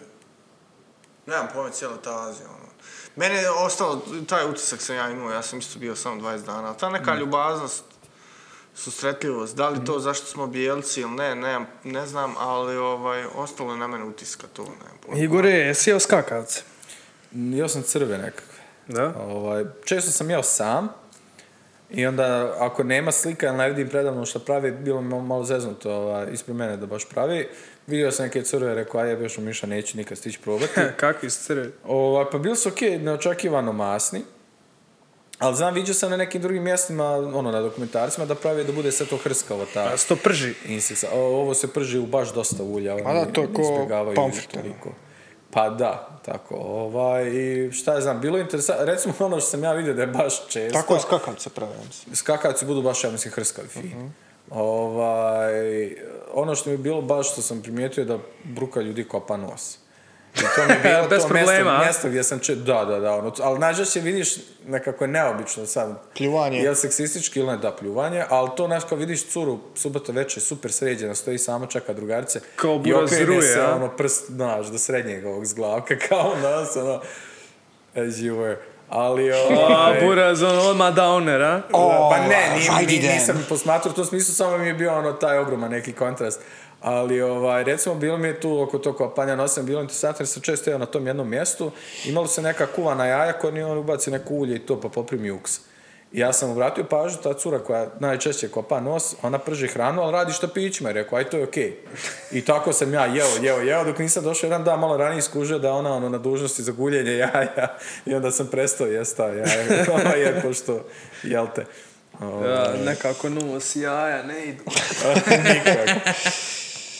Ne Pa znam, brate, dobro. nisam bio u tim Azijama, ali fascinantno zvuči, ono, svaki put kad čuješ neke priče. Da, ja sam stvarno bio relativno Ko- skroz druga dimenzija, jebote. Me, baš je drugačija, jer jednostavno, eto, ti si bio u Kini, ja nisam. A, imam par prijatelja, ali, mislim, ti samo kad uzmeš s razmjerom, scale, ono, veličinu, ti kad skontaš, znaš, da. na kojem nivou se tu događaju, ti stvar kad su pravili, eto, opet donekle energija, uveliko energija, ovaj, brana, tri klisure, jel, Three Gorges Dam. To su milion ljudi koji su oni izmislili za jedan projekt. Jest, e sad, jest, jest to- to autoritarna vlada i oni to ono dođu, kažu Moraš, makse da. ili ne, ništa. I ono onda ih potrpalo u neke gradovi, šta ja znam. Da, ali ono, skale, scalability je ono... Neuporedivo. Ne, ne, bukvalno neuporodiv, buraz. Pa pričao mi jedan poznanik kad je radio je u, u ne mislim, ministarstvu ekonomije, ali nešto, nebitno, RS-a. I sad su s nekim kinezima imali tako ovaj, susrete i to iz neke pokrajine, naravno. Ovaj, jer, ono, tako su reći. I sad je bila priča kao, ajde da otvorimo neke bilateralne odnose ekonomski, vamo tamo, šta vama treba, kao, i nama trebaju držalce za lopate, kažu kinezi. Oh, super, super, mi imamo ono, drvoprerađivačku, imamo drveta, koliko vam treba? Kaže, pa, hajde recimo da napravimo neku malu turu, probnu, čisto da vidimo da li nam to paše, pa koliko vam treba za tu malu probu? Kao 300.000 ili 200.000, reče. Vidimo se da, drugi put, nije znaš, to, ne, nema ništa, brate. Mislim, Sve, sve te države, generalno, ima dosta priča, na primjer, od našeg drugara, majka zna arapski i ovaj, radila je prevod za Arapine koji dođu ovdje. još što volio da znam taj jezik. Ovaj, I kao, pričali su o nekoj pileti, znaš. There's no enough time. I kao, vrate, ono, koliko vam treba piletnika? Pa treba nam sve što možete proizvesti. Da, bukvalno. Doslovno. Ili, na primjer, dođu ljudi iz Turske, kao Bamija je to, znači, unodis, taj fazon. Kao, kao imate Bamije, kao imamo Bamije, ono, kao, pa dobro, ajmo za početak, možemo 25 šlepera. Kao, 25 čega? Razumiješ? Ono, Ali jesmo mi piletinu iz Srpca je išla kod Gaddafija. da. Ovaj, s aerodroma. Ba, iz prvo, ja mislim, u Osijeku je išlo, Dobro pa onda mu je i skontalo da im se ne isplati, pa su onda napravili u Banja Luci, poluvojni, polucivilni, ovaj, i to u zamjenu, ja mislim, za naftu su radili. I luku u Tripoli su radili ovaj, iz rijeke. Pa da, ali mislim, generalno, Ali mi to ne možemo pojmiti koje su skale sa milion stan, mislim milion stanovnika Pa kako, možda da. u, u Da, da. entitetu, ono, 2,8 Pa možda to je onaj da. trenutak što ono, kad To gledaš... ti je malo veći grad, ono, Beograd jebote. Kao to kad gledaš ono, da Discovery dokumentarca, pa ne znam, nija neki brod, pa kaže dugačak je kosam Eiffelovih tornjeva. I ono čuo su ljudi, ovo jesi im poređen, kao da, poređen je. Jer on tebi kad kaže da je brod dugačak, ne znam nija koliko, ne možeš ti to zamisliti. Kao ti sad zamišljaš ono dužinu granice Kine ili kao Mhm. milijardu i pol ljudi, znaš ti koliko je to, onaj broj do milijarde, pa vidi koliko će ti trebati. Da, ne, ne možeš izbro- izbrojati za života. je. Jevo. Tako da, ovaj, i tu je on opet i pitanje energije, ekonomije, školstva, čega god. Fali nam taj trenutak da skontamo šta smo, koliki smo i, Koliko i smo kako nebitni, trebamo da. u skladu s tim da se onaj, Ma evo ponašamo. kakav, neš pojma. Ne ide to tako. Jel gledaš možda sport? Nek ide kak ide, brat, pusto. Skontit ću. Imam jednu premisu, pa zato da te pitam. pratit ću vas ako mogu, mada je jako tam. Ne, ne, znači nije priča o sportu, nego pitam te jel gledaš? Ok. Pa najčešće MMA i sumo, iskreno. Ok, a je, ne znam Sumo, koliko si primijetio, 20 sekundi borba tamo za moje... ne znam koliko si primijetio, Da, ne znam koliko si primijetio koliko se vrijeđaju ljudi ovaj, na ono, subliminalno na sportskim kanalima sa reklamama, ono. Da? Znači, imaš reklame za potenciju, Dobro. Dobro. imaš reklame za kocku i nerijetko bude ne reklama, nego proglas ono, za žrtve nasilja, razumiješ? I ono, buraz, Ali kao, ova korelacija isto ima neki kauzalitet, jel? Da, ono, brate, jel, Eto kako jel, stvarno, jel stvarno sad, ako ja gledam sport, jel stvarno treba posmatrati ljude tako jednodimenzionalno, kao gledaš sport, brate, ti sigurno biješ ženu, ono. Pa Buraz, oni su napravili Pa ja da sigurno gledaju- neko da. istraživanje, to sigurno da Pa ono, pije. konti da je da, ono, 90% muškaraca ipak da gleda. I da jebi ga u ti 90% zajedničko? neko tuče ženu. Što je Jel te vrijeđa to, Marko? Mene posljednji- vrijeđa, iskreno. Da, da, kontam. Mene iskreno vrijeđa, jer ono, smatram da ne moraš biti, brate, pangla da bi gledao sport. Dobro, ne trebaš mi sad reklamirati ono kreme za njegu lica, ali da je bar dezodorans. Čekaj, šta te diže, dira? Ovo oko erekcije ili ovo oko nasilja nad ženom? Sve, brale. Ne, ne, Sve đuture. Okej. Ponajviše to oko nasilja i to oko, ono, oko pot- potencije, brale. Mislim, jel stvarno sad mi moramo svest ljude na to, e, ja sam proćela i ono, ne diže mi se čuna. Pa, Jel dobro, to stvarno... Da, Šta još tu možeš reklamirat, mislim, ono... pa evo sad je čovjek rekao, dezodorans, možeš reklamirati shower gel, možeš reklamirati buraz, ono, šta god, neki slatkiš, nešto što je karakteristično za, za muškarca, na primjer neko piće. Ne, Možda brate, Da, da, samo ti- kocka, samo potencija i samo I bijem nemoj ženu. tuć brate. žene, brate, da. Pa možda konti, ono, kod nas ljudi nisu nešto, ono, šta imaš reklamirat pivo, to znaš da već ljudi mahom piju sport. Mada Možda Jelen, su- Jelen ubi šencu, brate, na YouTube, ko, im, ko ga gleda, ono, Ko Dodik, bra. Bez- Iskači Ovo, šupka. sa, Ne. ovo, e, ovo sa SNSD-ovim ovim... Prevali, prevazilazi svaku grancu, bra. Baš su ljudi, ne, ne ono, znam, ljudi ne mi se da žale, kaže, pusti malom crtiće, buraz Dodik iskače, jebo. To je, ona, to je onaj meme koliko želiš da frekvencija bude, ono, objavljivanje, ono, yes. Yes. Sve. Da, baš ono, Sve, buraz. šta voliš da jedeš? Yes. ovaj, tako da Jelen ubi, ubi šencu sad, ono, baš često ide reklama. Ono, na telefonu i na iPadu gdje nemaš... Mislim, ja se zelen skužio koliko su ovaj, agresivni prije par godina kad sam skonto da u pola kafića u Banja Luci nema nektar pio. I to mi je bio ono, mislim, opet tržište je jače i od nacije, i od ovog i od onog. I to kad mi neko priča šuplju, je Sarajevo, je Banja Luka, otiđi na trgu ispred Boske, otiđi na trg ispred BBI-a, vićeš New Yorker, vićeš, ne znam, ni ja, ovaj, reklamu za ovo, reklamu za ono, to je isto. Ne, Globalne brendove, E, upravo to. I onda mi je to bilo isto tako baš fascinantno kao ladno Banja Luka, ono, Al iz to je buraz- onda skontaš nektar kupli Englezi i to. Ali nije samo to, nego doslovno oni idu s ucjenjivanjem. On uđ- uđu ti u kafić i kažu, ok, brate, odraćemo ti tendu, odraćemo ti ovo, odraćemo ti... Ali nema nektara. I Ne. to je vjerovatno neki nepisani dogovor, ne, ne, ne vjerujem da je to. To je to, Legalno. brate. To je to. Ako hoćeš Da. tako dobiješ, ako nećeš, mi dođemo i skinemo sve, brate. Tržišna utakmica. I tako isto nektar radi za jelen. I to je to. Stvar, da, moguće da je legalno jer ono, malo bi smisla jer dobijaš opet neku protuuslugu, da. I onda jebi ga imaš Ali- ljude koji su opet nezavisni, koji kažu, je, jebite se vi, brate, ja imam 10 vrsta piva, boli me uvo koji, koji Sam će se napraviti sam će se napraviti jebala te tebe i to i Pa tendu. da, brate, jednostavno ono, presmiješno, evo, ti ucenjuješ sa 2-3 maraka, nekog uceniš, ono, izbor, jebote, napraviš ga ko, ko Narodnu republiku Kinu, jebote. Baš tako. Baš smiješno, jebote, nema smisla. Ovaj, a, da. Za usti slobodno Tržište je čudo. Ne, ne, ne, krenuo se opet skrenuti ka Kini, ali mislim da smo tog mrtvog konja već išli. Apsolvirao si, da. Ovaj, a što mislite o ovaj, silnoj proizvodnji domaćih piva koja se proširila također i po BiH o tom trendu Kraft. uopšte? Koji kraft, jel? Da, da, da. Mislim, Pa ne znam, mi je smo- pljuvalo po meni bezrazložno, daj mi izbora. Što A, ne, ne, cool je to. Mi smo, Skroz ovaj, cool, uh, rokali smo i Gorštaka dok smo snimali, rokali smo i MCB i ono, kad, kad pijemo nek, ja bar, kad pijemo ono IPU ili tako nešto, buraz, nije mi dobro je. Znaš koliko me sturi, ono, O, pa dobro, imaju uglavnom više... Nije problem alkohol, problem je stomak. Aha, težina. Brate, ono, dođe mi ko da sam pojeo, ne znam, nija, tri bureka i popio dva jogurta i ono, brate, tri nikako seb osjeti se više, osjeti Ono. se više. riganje i ne znam nija, sto nekih čuda urazi i jednostavno ne prija mi toliko, mislim da mi više prija obični lager. Pa ako se cuga, cuga, ono to je, mada nisam ja neki, ono, ako se ja popijem tri lagera, ja sam ono Pa- na stolu pa nisam i onda ja, sam šoljom. isto. Ali, ovaj, al, mislim, ali to što kažeš, definitivno da jesu teže ipe i ostalo, ali to su me baš piva onako za šmekanje, za lagano, uz hranu posebno i to. Posebno oni, ne znam, belgijski trapisti 11% i ali oni ih služe u manjim čašama. Između ostalog mi uzmemo ono, to neko pivo pa popijemo pola litra. To je ko da vino, vino ima oko, je- oko 11%. Da.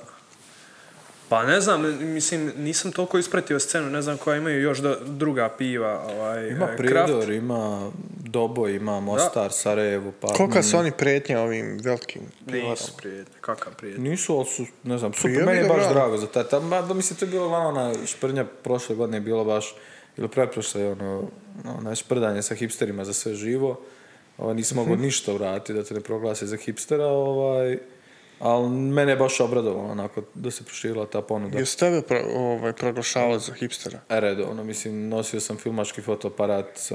Imaš dugu bradu i- Tako da, onaj... Košulja i gotovo, nema šta, presuda donešena. Šarene Nema čarape. pravo na žalbu, nemaš pravo na žalbu, ti si hipster i Ovo, gotovo. ja imam puno šarene moćno. čarape. Jebote, mi smo hipsteri, sranje. Ovaj, S tim da u osnovi hipsterski pokret jeste nastao ono, od, od hrpe ljudi koji su radili ono korisne stvari, gotivne, ovaj, a onda je poslije nekako A se... zašto To sad ima negdje 40-ih izvrnuo. nastalo. negativnu konotaciju? kasnije. 60. Tako nešto. Zašto sad ima negativnu konotaciju? Pa n- zato što... Hipici su 60 Ne, bili, hipici su a- drugo, da. A hipsteri Hipster su malo ono, kasnije. Kao, da. Ovaj, pa, to što kaže, to je baš dobro u stvari. Ovaj, zašto su dobile negativnu konotaciju? Mislim, kao sve živo što uđe u mainstream, to... Uh, onaj trenutak kad vidiš Nirvana majicu u Zari, ili gdje već, ono, Ili tim lancima, da, Waikiki ili šta već. Znaš, taj trenutak gdje, znaš, kao prije je bilo, mada opet ne volim uniformisanje, ali znaš, kad si bio punk, kad se vidi na tebi da se punk podrazumijeva, pod- podrazumijevale su se neke vrijednosti. I to bude tako u prvoj jednoj, dvije generacije. Onda kasnije dobijaš samo pojavnu prezentaciju toga i ono, znaš, aha, utorak, obe- danas se osjećam kao punk, obuj se kao O, punk, se- obesmisli se, o, o, kako rekao, smanji se vrijednost te, kako što ti rekao, prezentacije. Jer je to opet Što neka će sad biti subkultura. punk, da, da, što će biti sad punk, a svi punk. A jel znaš ti možda što, što dosta likova iz panka ono, vrlo lako pređe na jogu i ta sranje. Je li dosta? Jel tu ovaj... Ima neka baš ono uzročno posljedična veza. Ono. Ne znam, z- mislim, ne znam koja je, ali znam da, ih ima dosta. Ono. Ne, ne znam šta bi ti rekao, ono, ako otvoriš širom, ono, isto kao širom otvoren um, isto širom otvorena vrata, svašta nešto će ući. Nekako to mahom trebalo biti neki ljudi koji ono, promišljaju stvarima, pa onda probavaju svašta nešto. Ja.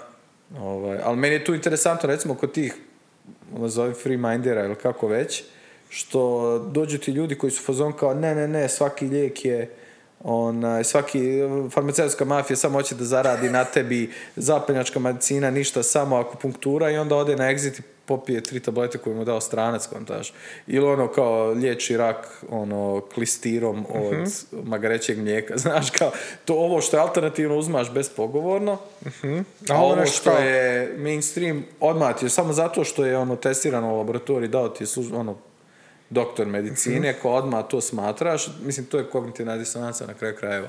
Ali mi je fascinantno koliko i ja među mnogim ljudima možemo zaglibiti ovaj, u te kognitivne disonance da jednostavno ne, ne znam kako bi nazvao više to ponašanje, ovaj, ne znam kako bi kategorisao. Pa sad je, lako se paralela može povući sa vakcinama. Ono. Da. Masa ljudi je skeptično, ono, kao, joj, ne bi ja to, ja prvo da neko proba, pa da ja vidim, pa ću onda, znaš.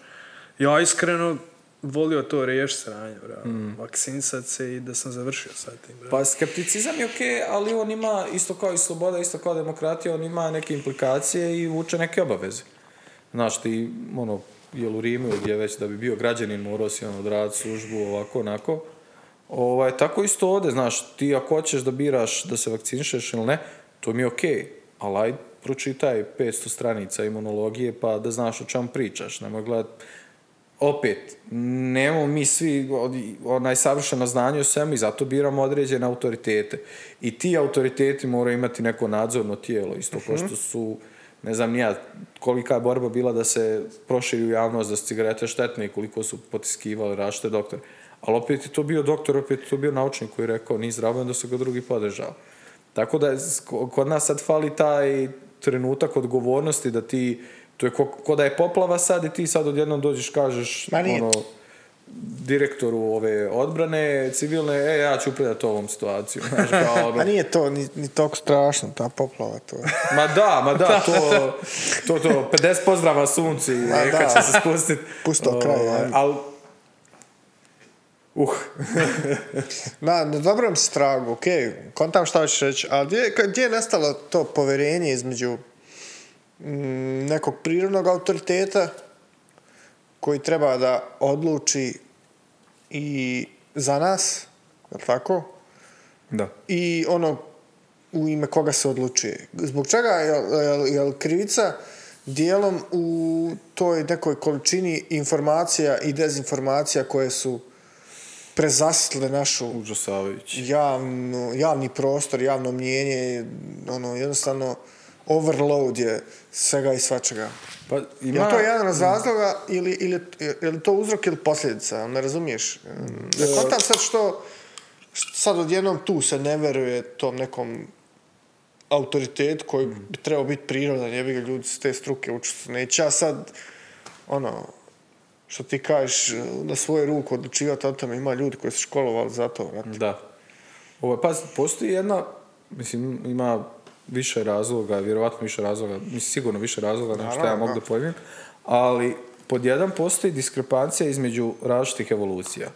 Imaš, recimo, tehničku evoluciju, tehnološku, gdje od telegrama, ne znam, nija i prvog telefona, pa do sad ni, je prošlo stotinja godina i mi ono šaljemo poruke na Mars i na daljinski upravljamo vozilom koje je tamo. A pritom naš um je u 100 godina, to jest mozak ljudski čovjek kao ono, homo sapiens, znači taj homo faber recimo zanatle je napredovao za pet stepenica, a homo sapiens, taj svjesni čovjek možda za jedan. I onda je taj, e, i to sad posebno baš vidim e, kod starijih osoba, jer svi imaju sad Viber, sve više ih ima Facebook, ovaj, gdje i moji roditelji i, i puno ljudi, vidim, zatrpani su ljudi po 5-10 lančanih poruka dobijaju vezanih i za ovaj, i, i, i za koronu i za ne znam nija šta ne, prije su bili chemtrails, sad je ovo, bit će prekustra nešto treće. A naučili su kod nas ljudi posebno na TV-u da vjeruju tom autoritetu. I onda ih iznevjerio nema ko nije.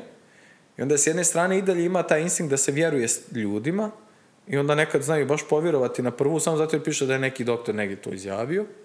A jer jednostavno mislim da su donekle ljudi toliko i dalje naši, mislim ljudi su dobri u osnovi valjda, nadam se. Svi, svi. I da ono nekako povjeruju ljudi, baš stariji posebno, nisu obučeni za taj fact checking i dalje. Ovaj, a sa druge strane, naš, nije da nas nisu ti autoriteti izdavali prije i nije da nije sistem bio korumpiran hiljadu puta, znaš. S razlogom i mi ne vjerujemo ono, političarima našim, št- haman, da- za 90% stvari što kažu.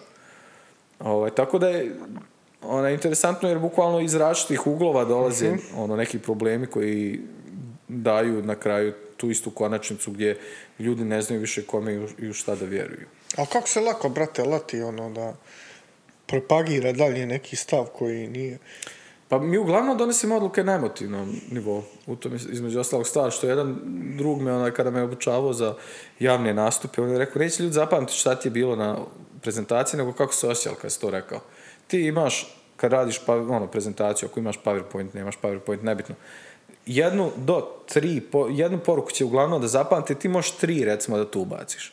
Ali generalno tu mora biti emocija koju će ljudi zapamtiti. Ako se ljudi živi smorili, teško da će bilo što zapamtiti. I zato imaš jednu do tri poruke koje ponavljaš, otvoriš sa njom, zatvoriš sa njom. Ali između toga radiš da ljudi imaju taj neki osjećaj Mhm. ili da ih zabrine, ili da ih zainteresuje, ili da na kraj krajeva nasmiješ, daš neku interesantnu Znači, to je taj naš kognitivni kapacitet.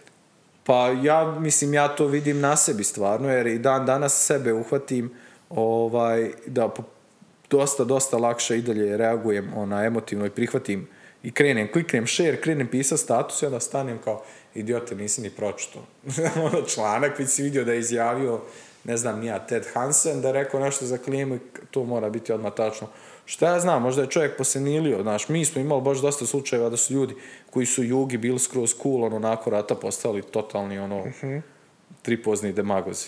Demagogi, demagozi. Ja, dobro si rekao, dobro si rekao.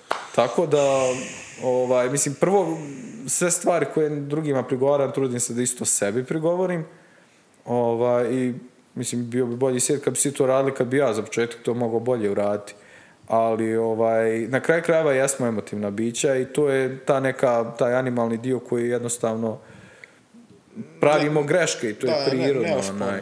I generalno meni jeste sve teže što više znam i što više uviđam koliko ne znam i koliko sam ono tu ovaj emotiv, koliko taj emotivni dio vlada nad racijom, to mi je se i teže čak između ostalog raditi svoj posao koji uključuje i zagovaranje i koje šta. Ovaj, jer ono nekako sve češće ono zapitam sebe ma ko sam ja tu da sad nešto tu kažem. ono. Da. Mnogi bi se pitali ko smo mi da snimamo podcast, bro. Pa da, da, pa mislim tu ima onaj, evo sad recimo na masteru nešto novi izraz koji mi je omiljen i koji se naučuje, onaj paralysis by analysis. Znaš, jer ti u jednom trenutku moraš reći, nikad nisi 100% spreman, isto za podcast, u jednom trenutku kažeš, jebe Miša, krenut ćemo pa ćemo se ispravljati. E. Ali tu je drugi sad korak koji načesto se zaustavlja, jer u Bosni ono, generalni strah od ofiranja, znaš, šta da ispadneš papak, znaš. Šta da- će on? Ili što je ovaj namjernik? A da, da, što- ta, što šta ti je to? Da, Evo, nije svojim skečem Prati, šta je, šta je s njega? On, on, on je postao omrznut među ljudima. A i on je malo prepukao, iskreno. Jel da? Pa imao je onaj eksces jedan kad je ono uletio, nešto su mu radili za leđa, bio neki, ja mislim, skup u SDP-u. I ono između ostalog psovo im je majku ruralnu tuzlansku ili tako nešto. Ruralno tu Tako nekako je. I ono, ispo je taj apsolutni negativni stereotip FGR, ono, r- raje nazovi. I ovaj, Objasni FGR. pa fina gradska raja, jel te ono, što, ono, u Sarajevu je FGR, u Beogradu je krug dvojke, kod nas ne znam koji je. Kod nas ne ovaj, postoji urbani krug, da, brale, da se razumijemo. to. Pa Manjača može. dominate. Zašto kilometar dva u gradištu od gradske jezgre ljudi gaju ovce, brate? Ne A kažem dobro, da nije to problem, ali ali- ali ajmo ostalog. posmatrat Banja. Luku kao... Da, da, Ajmo posmatrat slažem Banja. Luku kao neki urbani centar i dalje je to seljana, brate. Pa misliš, ah, još taj urbano, onaj... Ne znam šta bi ti rekao, znaš kako ja Pa sam... urbano je, brate, razumiješ, ono, jedna od osnovnih karakteristika urbanih sredina je ono čime se ljudi bave. Znači, to je, to je... Dobro, ne ja to tako posmatrao, Je, os- to je osnovi nekih zvančnih, sad da ne ulazim u sad... Stav, da. Definicija statističkih, ovako, onako, nekih... Ma Znači, da, ne možeš se ti da. zvat gradom, a te 80% stanovništva se bavi poljoprivredom, brate. Kakav si ti grad, o čem pričam? Pa da, ali pričam... Gradiška da. no vi- više intended. pričamo o stavovima nego Pa da, bavljenju, taj znaš. neki E, kao... ali ako se baviš, razumiješ, naukom, kulturno, mislim, ja sada se prevrću neke papire tamo. Ma da, ako da. se stanovništvo tog šatrograda ili grada bavi kulturom, bavi naukom, Mhm. bavi umjetnošću, onda si ti grad, brate. Pa da, ali onda imamo problem brate, što to- imaš kod nas... 13.000 domaćinstva se bavi poljoprivredom, ti neki grad, brate. Pa da, imaš imaš kod 25. nas onda Anus u Banja Luci, ovaj, Anurs, Anor S, da. Anus, ono, pun intended, jel te, onaj, nije Da vam, ka, da vam kažem nešto otvoreno. Pa ono, znaš, koji... Na, vidiš da ne postoji taj neki intelektualni ovaj motor koji bi Da. trebao tu neko nešto da ispravlja i imaš, ne znam, nija doktore u smislu medicine, doktore nauka koji su ono najobičniji, ono, ono psuju kokoče, ne, mislim, psovanje, nebitno, ovaj, nego koji su Ma, ljagani, da, ali opet, znaš, nekako, uglavnom se trudim da izbjegavam da ono kažem kao seljak, kao seljačina, aj, Ma da, da ne bude... Recimo, ali znaš, jer gdje ono, imaš opet hrpu produhovljenih ljudi na selu, Ona Naravno. po meni posebno koji rade sa pčelama, ono, ima posebno mjesto u srcu za njih. Za Ovaj, pčelare. To, to šara za pčelare. Pa ne bi ja baš dao šara za pčelare. Što, zašto? Pa zašto si oni bagre isto? Au, Ali to ono, ima svuda i Znaš, to zato što, zato što med kad proizvodiš, možeš ga proizvoditi na različite načine i Isto, možeš upravo jednako to. trovat koji i ovaj proizvođač koji pravi papriku. Upravo ono, to. znaš, I isto to- tako imamo, isto tako... Da, naš Postoji spektar, koji- spektar ljudi, ono, e sad možeš reći možda neki pčelari su jako produhovljeni, a neki su baš gama. Isto, e, to nas vraća i na Anurs i na neki ljudi na selu su daleko produhovljeniji od nekih doktora nauka i Ali generalno men Banja Luka ne odaje utisak jedne onako baš urbane sredine. Ono, ima- zdrave gradske sredine. Da, evo. puno, puno nekako dominiraju likovi, opet ja govorim pristresno i, i nisam proveo puno vremena u Banja Luci, ali ovako Nije ovlaš. pristrasno, to je tvoj subjektivni utisak. Da, da, pristrasno Valjda govorim. imaš pravo da ga Malo, malo to previše vuče na, na tu, neću reći ruralnu, ali onako na malo čobansku priču, uraz koja, eh, znaš. Pa znaš kako, ja, ja sam ono, opet, ovaj, djelomično se mogu onaj, složiti, saglasiti sa tim, ali onaj, opet, ja, ja sam ono, iz Donjeg Vakufa i onda je za nas ono bilo kao i ovi iz Donjeg Vakufa došli, ono, grabili vodu za kavu iz WC šolje, znaš, onda se cijeli život i to, bila neka šprnja i I bilo to, je da se ograničimo, sad odmah da te prekinem, meni nikad to nije bilo jasno, brale. Da, da su likovi pravili Ali cijele, to je ta cijele, kao cijele ruralno. fazone, ono, Da, i da, humor da. neki kao o srbobrancima u gradišci. Da, da, da. I da ono, kad kreneš neku piš kao, on, je srbobranac. A u jednom momentu, Kaka, bra, kaka je to znači, klasifikacija, Bili su katalizator ekonomije. brate. Kaka je to klasifikacija, 100%, buraz? Upravo to. To je- to je toliko da- retardirano, To, znači- to ti je doktorat, ono, To je nevjerovatno retardirano kakve klasifikacije kod nas ljudi imaju u gradu, samo zato što su oni pasivni, zašto su kola govana, realno. E, Razumiješ? I onda ti kriv neko to. ko je došao iz donjeg vakufa i ko se borio je, za leba, razumiješ? onaj drugi. E, to Da, je ta drugost. to je mene brale. ali- Ja nikad nisam posmatrao tako svijet. Ali to je isto ta nekako, po, mi- opet kažem, razumijem da je a, podjele i kategorizacija je korisna, čisto onako ontološki, znaš, ovaj, ili epistemološki, epistemološki, ovaj, Znam što još reći, ali nema šanse. zeznuto mi neke stvari sam učio prvi put na engleskom i onda mi je zeznuto kada na našem pričam, nije pokondiranost, nego čisto fakat. Samo bud Ovaj, svoj. I onda generalno, razumije te generalizacije znaju biti korisne, nekako pokušavaš da predstaviš, pojednostaviš svijet i da ukratko nešto kažeš, ali kod nas je baš zato taj trenutak, ono što je Banja Luka kakva je jeste, recimo, iako je volim, i, i, vas dvojice vjerujem da imate ono omljeni Ne, ne, grada, lijepa je ona- Banja ali Luka. ima, ima taj trenutak što kažeš, opet ne volim taj izraz urbano, ali recimo ta neka ideja tog urbanog, ovog onog u Banja Luci je stvarno nekako tanka. Ima ljudi koji po meni bi mogli nositi recimo taj steg te urbanosti, mada ovo evo, koristimo samo za čisto da pojednostavimo, ovaj, ali tu se meni ogleda u tome recimo da Banja Luka nema neku ovaj hardcore rock scenu. Ima, ima sad par bendova, prije je bila jača, ali, ali opet, znaš, Banja Luka je grad od, znaš, nema ni 200.000 ljudi, tako da je Banja Luka po meni, meni baš draga.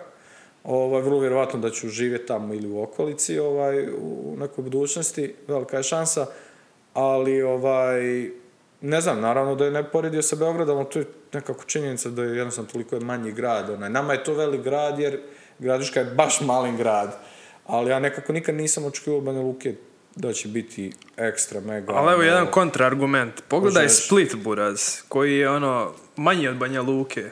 A toliko sada, potentniji. čekaj, ne stari. toliko potentniji od Banja Luke u tom smislu, kulturno, ajmo reći. Po, po muzičkoj sceni, po, po jednostavno šmeku, buraz. Toliko, Dobro, taj toliko je da, sad- šmekerski grad u smislu ljudi koji, Misliš koji ga predstavljaju. pošto nemam puno docaja sa Splitom danas. A, dobro, ne, danas možda malo manje, Mhm. ali u zadnjih 20 godina pere Banja Luku kad se setiš. Pa A imaju relativno isti ili možda čak manji broj stanovnika nego Banja Luka. Epistemologija, to sam našao. Znači od jednog TBF-a do, do dječaka, do Tončih Ulića, koga god hoćeš, buraz, u kojem god žanru, razumiješ? Ono, Muzičaci iz Kaštela. do, do, do Vuce jebenog, razumiješ? Sve, e, sad buraz. si, e, sad si mi ono, na, Sve, zabio buraz. si sad zadnji ekseron Sve, buraz. Vucom. Sve, buraz. Znači, general Vasilij Mitu je je institucija, ja ne znam na kom nivou ko ima buraz, Grof Đuraz, je li on taj nivo?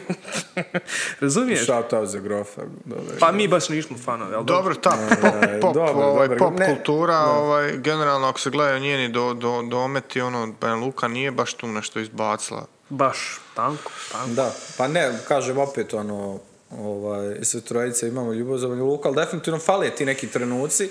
Recimo, bila je ta priča oko skate parka, gdje, do duše, znaš, ja isto ne kontam te skatere koji ima, ima ih stvarno i starijih i koji su dugo u tome kao, zar je realno da u 30 godina niste se mogli izboriti ili ako ništa sami uzeti crowdfundova 10 godina i napraviti negdje. Ne. Ovaj, e, fali taj trenutak tog nekog duha. Opet ne volim reći ni urbano, ni građanski, jer nekako mi to ni podoštava selo. Na, nekako, i, Te, bra, brate, ali razumijem, Split ono, za potrebe diskusije iskoristit ću, ali mi nekako uvijek Pa treba ni, me. treba ni podaštavati selo, brate. Selo, ja živim na selu, seljaci idioti, brate. Evo, odmah da Ovaj, kažem. Brate, imaju jako, jako jednodimenzionalno razmišljanje i retardirano razmišljaju i misle da im nešto pripada i da im treba neko nešto dati. Šta A to se nigdje ne dešava u svijetu. Čekaj, je ovo rent protiv subvencija Jes, za poljoprivredu? jes, brate, rent je jebeni zato što buraz Aj mi reći opet šta je misliš o tome, pošto ti poljoprivrednik, između ostalog. Opet je, plja, me opet je pljačka u pitanju. Znači imaš razna udruženja ovog, onog, petog, desetog, povrtara, voćara, pičke, materne i samo se gledaju lični interesi. Znači likovi koji su na čelu udruženja gledaju kako će seb namaći u džep i ako još neko se ogrebe, super, i radi se u tom pravcu. Znači udruženje postoji zbog, zbog ličnih dobitaka, ni, zbog čeg drugog. Znači, I zloupotrebljava. znači buraz prave se buke i sve sranje je scenirano. Koja god bude buka, mi ćemo traktorima, ono, to buraz doslovno dogovoreno ministarstvo, ja vi malo bučite da kao izgleda da neko ima nešto da se buni. A sve dogovoreno, brado, naprijed. Je- Seljaci su goli kurac.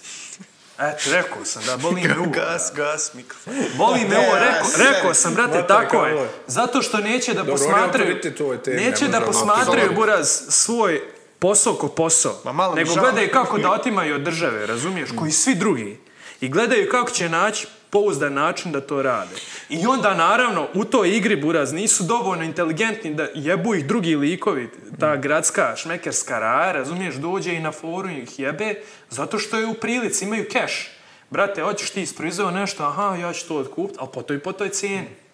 I oni nisu dovoljno pametni da se udruže, da uđu u priču zajedno i da rade, buraz da naprave posao, nego sve idu pojedinačno. To zadnje, definitivno, me nekako, što sam posmatrao, pošto isto za master planiram raditi oko industrijske konoplje, neki rad, ovaj, ima taj trenutak, ima vremena, ima taj trenutak, recimo i kod malinara i još kod nekih što su, koliko se meni čini, sa meni čini, ovaj, stvarno ne razumije se u poljoprivredu, ali da fali taj trenutak da se ljudi udruže, naprave zajedno, ne znam, nije ni ja, hladnjače i kažu, e, sad neće niko dobiti, izvozit ćemo u Saudijsku Arabiju, jer sad imamo dovoljno da izvezemo. Ne mogu to uraditi. Zašto?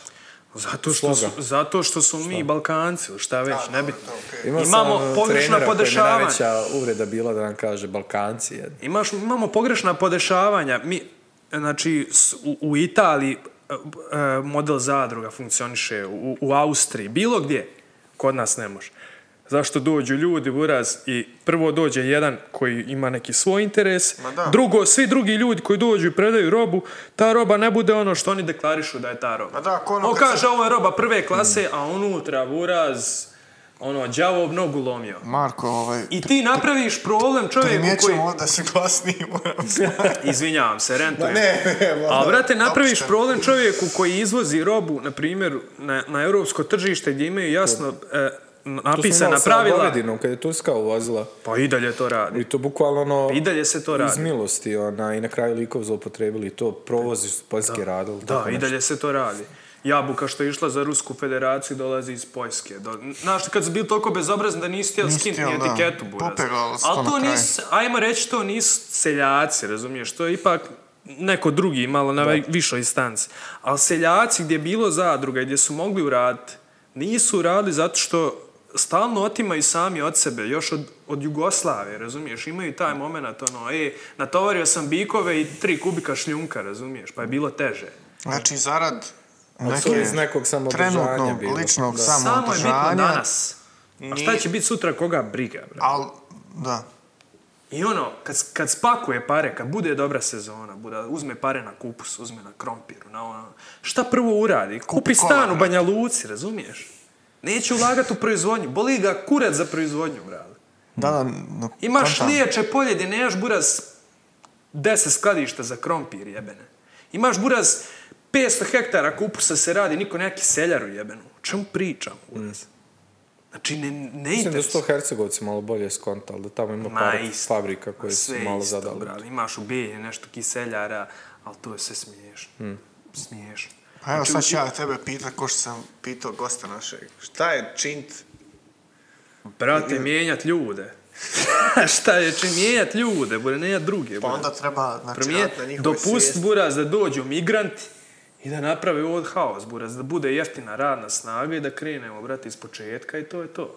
I ko uspije u tom svemu, to je to.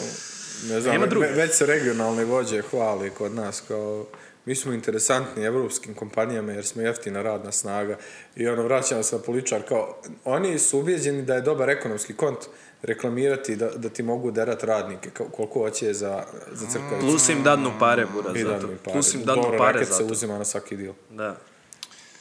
U jednu ruku to je normalno, naravno, ovaj, ta kombinacija riječi nije, nije zgodna, ali Mm. frljaca se danas svim i svačim, pa se frljaca i tim.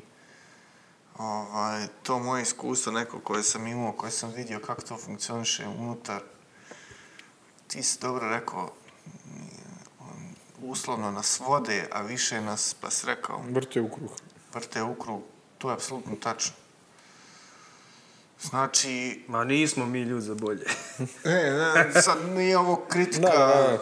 nikog, m, to je tako, znači kakav narod, takav vlast, to je moj neki opšti stav, garbage in, garbage out i to stoji, ali, ali taj aparat unutrašnji koji, kojem je data, dato povjerenje, deti to za nas, u nekom najširem smislu, ne zna bolje od toga što se dešava. A, a suština toga što se dešava da se non stop nešto započinje. Što bi rekao, što bi rekao ovaj, Dodik za BH, zamisli citiraš Dodika, a, konstantna privremenost. Kontaš? Neočekivano To je ono njegovo. kad- Očekivano dobro To je nešto. ono njegovo kad on, znaš, ono, a, pa onda bljusne, razumiješ, ono, stvarno je tako, niko ne može pobiti, to je tako, svaka čast, super bio iskren. Da, Dodo aksijom, buraz. Da, da, i tako je isto sa, sa, sa, sa tim, tim aparatom, buraz. To, to je nešto nevjerovatno da, da ne, n- u što se ne postavljaju ne, ne, neki ciljevi kojima mi sad težimo. I da se to primjeni. Izrađuju se strategije, planovi, vako, onako, hiljade, hiljade, daj dio iz projekta, daj dio iz budžeta, buraz, niko, ništa. Koga Presmiješno, buraz, evo ja ću presmiješno. na, na primjeru reći koliko je presmiješno. Ja se bavim agrikulturom, brale, pokušavam vratiti organsku proizvodnju. I nabavio sam preko MEG projekta sa gradskom upravom, nabavio sam drveni kiosk, advent, advent kućicu, iz kojeg bi ja htio prodavati povrće.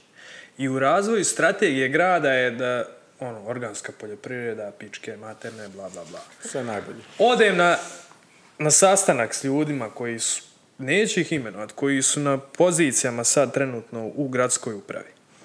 I oni mi sve kažu šta je nelegalno u gradu i, i koji kiosci koji ne trebali jesu. I sve mi kažu šta, šta sve nije legalno, ali ja nikako ne mogu kućicu postaviti u gradu. Da, da, ne prati strategija, ne prati Razumiješ? Strategija Oni- uopšte oni- ne prati to što ja radim, kao mora biti, plus koja je to glupost, mora kao biti tipski kiosk da mogu biti postavljen negdje u gradu. Pa brate, ja imam svoj Pričali ste poseb... prije da ih je deset ilegalnih. I deset, Ma i barem to- ima ilegalnih. To se prećno, ono, dopušta. A brate, ovaj, kako ti možeš sad reći nešto tipski, a ja imam poseban brand. Ja sad, na primjer, prodajem uh, vodku u, u, u, u jebenoj koja izgleda kao metak. Ja hoću buraz da mi ima puška, razumiješ, na... Razumiješ, kako ti sad možeš napraviti tipski kiosk, hoćeš nešto da brandiraš, brate, hoćeš da bude nešto posebno. Ti šta napraviti tipski kiosk? K- Kakva je to regulativa? A vamo smo tržišno ono, orijentisani Pa kao... nismo tržišno orijentisani. Ali to je opet ta diskrepancija u evolucijama, znaš. ono, Suludo je, bravo. Upravo, da, da. Ako preuzmaš koncepte izrade strategije koji je skroz da, da, okej. da, da. Ali imaš iz. XU još uvijek zakonodavstvo E, i pravilnik, upravo. i pravilnik formular C14 plave boje. Da, Da, da, upravo, da. upravo. Bravo. Hvala Neverovatna stvar. ti. Hvala, zaključio sam temu. Neverovatna stvar. Di- Znači, diskrepancijama, diskrepancija u evolucijama. Ma kakva evolucija, mi smo u... A dobro, govori se u opštem smislu riječi evolucija. smo u ne degeneraciji, bravo. Da, da. Jes, jesi ispratio možda QAnon?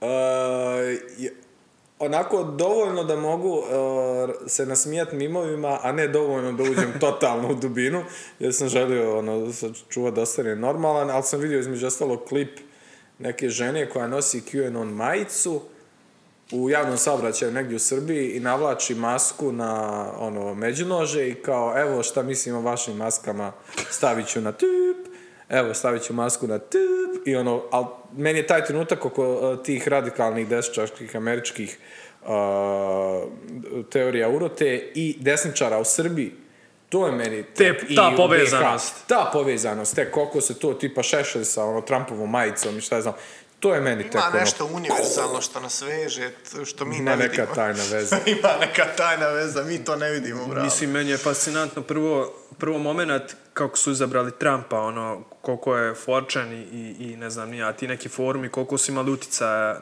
Doslovno je lik izabran iz šprdnje, ono, tako izgleda. I onda kako su još zavrtili dodatno stvari, ono, ljudi povjeruju u to. Pa s jedne strane to što se rekao šprnja, a sa druge strane to što stvarno, što je još veća šprnja, što je radni narod, tipa ono ljudi iz uh, država koji su bogate ugljem, koji su trebali da izgube poslove i još hrpa drugih koji su popili priču kao on je jedan od nas, on će da zaštiti nas. prvo lik što je uradio, ono mislim ne znam je li prvo, ali otprilike prvo što je uradio da onaj uh, porezne olakšice najbogatijima. I ono što Dave Chappelle, ono crnac komičar, je rekao, ono, kao vidio sam vas na izbornim ono, mjestima, onaj, ali nije on vaš, kao vi ste siromašni, ja sam bogat. I iako sam crnac, on radi za mene. Za mene, A oni su nasili neki na tu rasističku priču, neki na tu onu standardnu, ono, kao on će pomoći sirotinji, a lik pri, ono, ne znam, kao počeo rat protiv Kine, a lik sve svoje proizvode proizvodi u Kini, mislim. To se može raspitati satima, ali nešto imam osjećaj da je tečo, te, tetak stric, izvini. Striko. Striko. Striko, da. Dajđa. Ovaj. Dajće. ovaj, a šta ćemo, ovaj, hoćemo se doticati malo konoplje, već smo u prijašnjim nekim emisijama se doticale te teme, a ti reče malo prije da koji vrstu rada pišeš? Pa trenutno počinjem pisati master tezu, ovaj, pošto sam za, trenutno na, na tom master školovanju, jel te? Ovaj, Soroševac 1 kroz 1. Sram te bilo. Pa uh, počinjem rad na tezi koja će biti vezana za uh, industrijsku konoplju.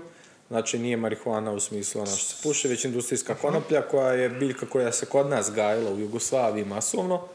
I Izvim, može prije, prije nešto kreneš, Da, jel industrijska ima u sebi CBD-a? E, može se uzgajati za CBD, a THC-a da bi se uzgajala kod nas po zakonskoj regulativi 0,2, mora imati jel? izme- ispod 0,3, ja mislim. Ja, Kod skoro u nekim neki- državama 0,2, a- negdje 0,3. Promjena u našoj regulativi, ali tipa skoro prije ono mjesec, dva. Ja sam A, ja a, to. o- ove godine je krenula proizvodnja industrijske u Da, a Republici mislim da je regulativ, promjena E, regulative bila prošle godine ili možda i prije.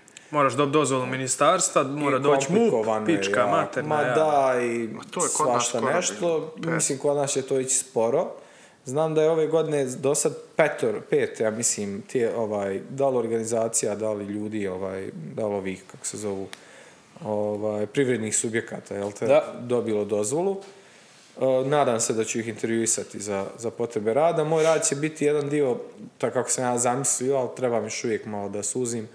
E, jedan dio će biti o ulo, koliko, koliko je stvarno ekološka industrijska, industrijska konoplja u modnoj industriji, znači proizvodnja odjeće, a drugi dio bi bio koliko je isplativa za Bosnu i Hercegovinu i koliko je ekološka za Bosnu i Hercegovinu, jer kao što smo, što smo vidjeli na primjeru obnovljivih izvora energije, nešto što je na prvu ekološki, ako ti to na, napriš kako ne treba, neće biti ekološki na kraju. Tako da ovaj, industrijska konoplja ima neke potencijale u smislu može zamijeniti recimo ovaj, naftne proizvode od plastike pa do vlakana, ali i sa druge strane ne treba toliko herbicida, budući da ona sama korov raste jako brzo i Da. zasjeni tlo Da, i ne rastu drugi korovi. Ima duboko korijenje, znači fiksira zemlju, lišće kada se završi sa njim se može rasuti po zemlji i koristiti ponovo kao ovaj izvor o, hranjivih substanci, azotofiksatori i svašta nešto. Perpetuum mobile jebeni. Uslovno govoreći bukvalno. Uslovno govoreći bukvalno. Bože. Donekle, da. Ovaj, tako da ima super priču, ali sa druge strane recimo što je bilo, sad ću pričati o marihuani, u Sjedinjenim američkim državama u dijelovima e, je legalizovana marihuana i doprinijela je do, ja mislim, nekog ogromnog postotka, tipa ako nije 2% nešto, je se povećalo uništavanje šuma zato su ljudi krčili zemlju za usjeve marihuani. Tako da, taj takozvani frontier expansion.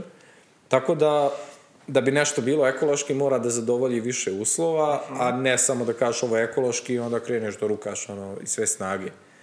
Tako da, eto, to je nešto čime se planiram baviti sljedeća tri mjeseca i nadam se da će teza, htio sam da uradim tezu neku, s jedne strane htio sam da manje radim na energiji, ovaj, kao temi, da malo proširim horizonta, a s druge strane da bude master teza nešto korisno, a ne samo da dobijem dozvolu i zaboravim. to. A generalno i za solarne plo- ploče tvrde ono da, da može utjecati na svijet ptica, na ono... O, na te ptice utječu plantaže. vjetroelektrane, ali Oslijepe ptice, šta? Ne, nego da se pod, podiže se temperatura cijelog regiona u tom gdje se nalazi konta. ovaj... A- A tu, da, to je primarno problem kod koncentrovani, koncentrovanih solarnih Da, da, na elektrana gdje imaš jedan mislim, da. centralni veliki stup i oko njega Koji imaš sve, panele da. koji reflektuju to svjetlo i one piče gore. To je bukvalno, imaš jednu takvu topioncu metala, u, ako nije u Kazastanu, Dagestanu, negdje, stavit ćemo link, ovaj, Gdje, oni tope metale uz pomoć te refleksije. Bukvalno proleti ptica kroz taj zrak i on samo Znaš, plane ono, ono, da. u, u, u, u letu. Ono, Užas. E.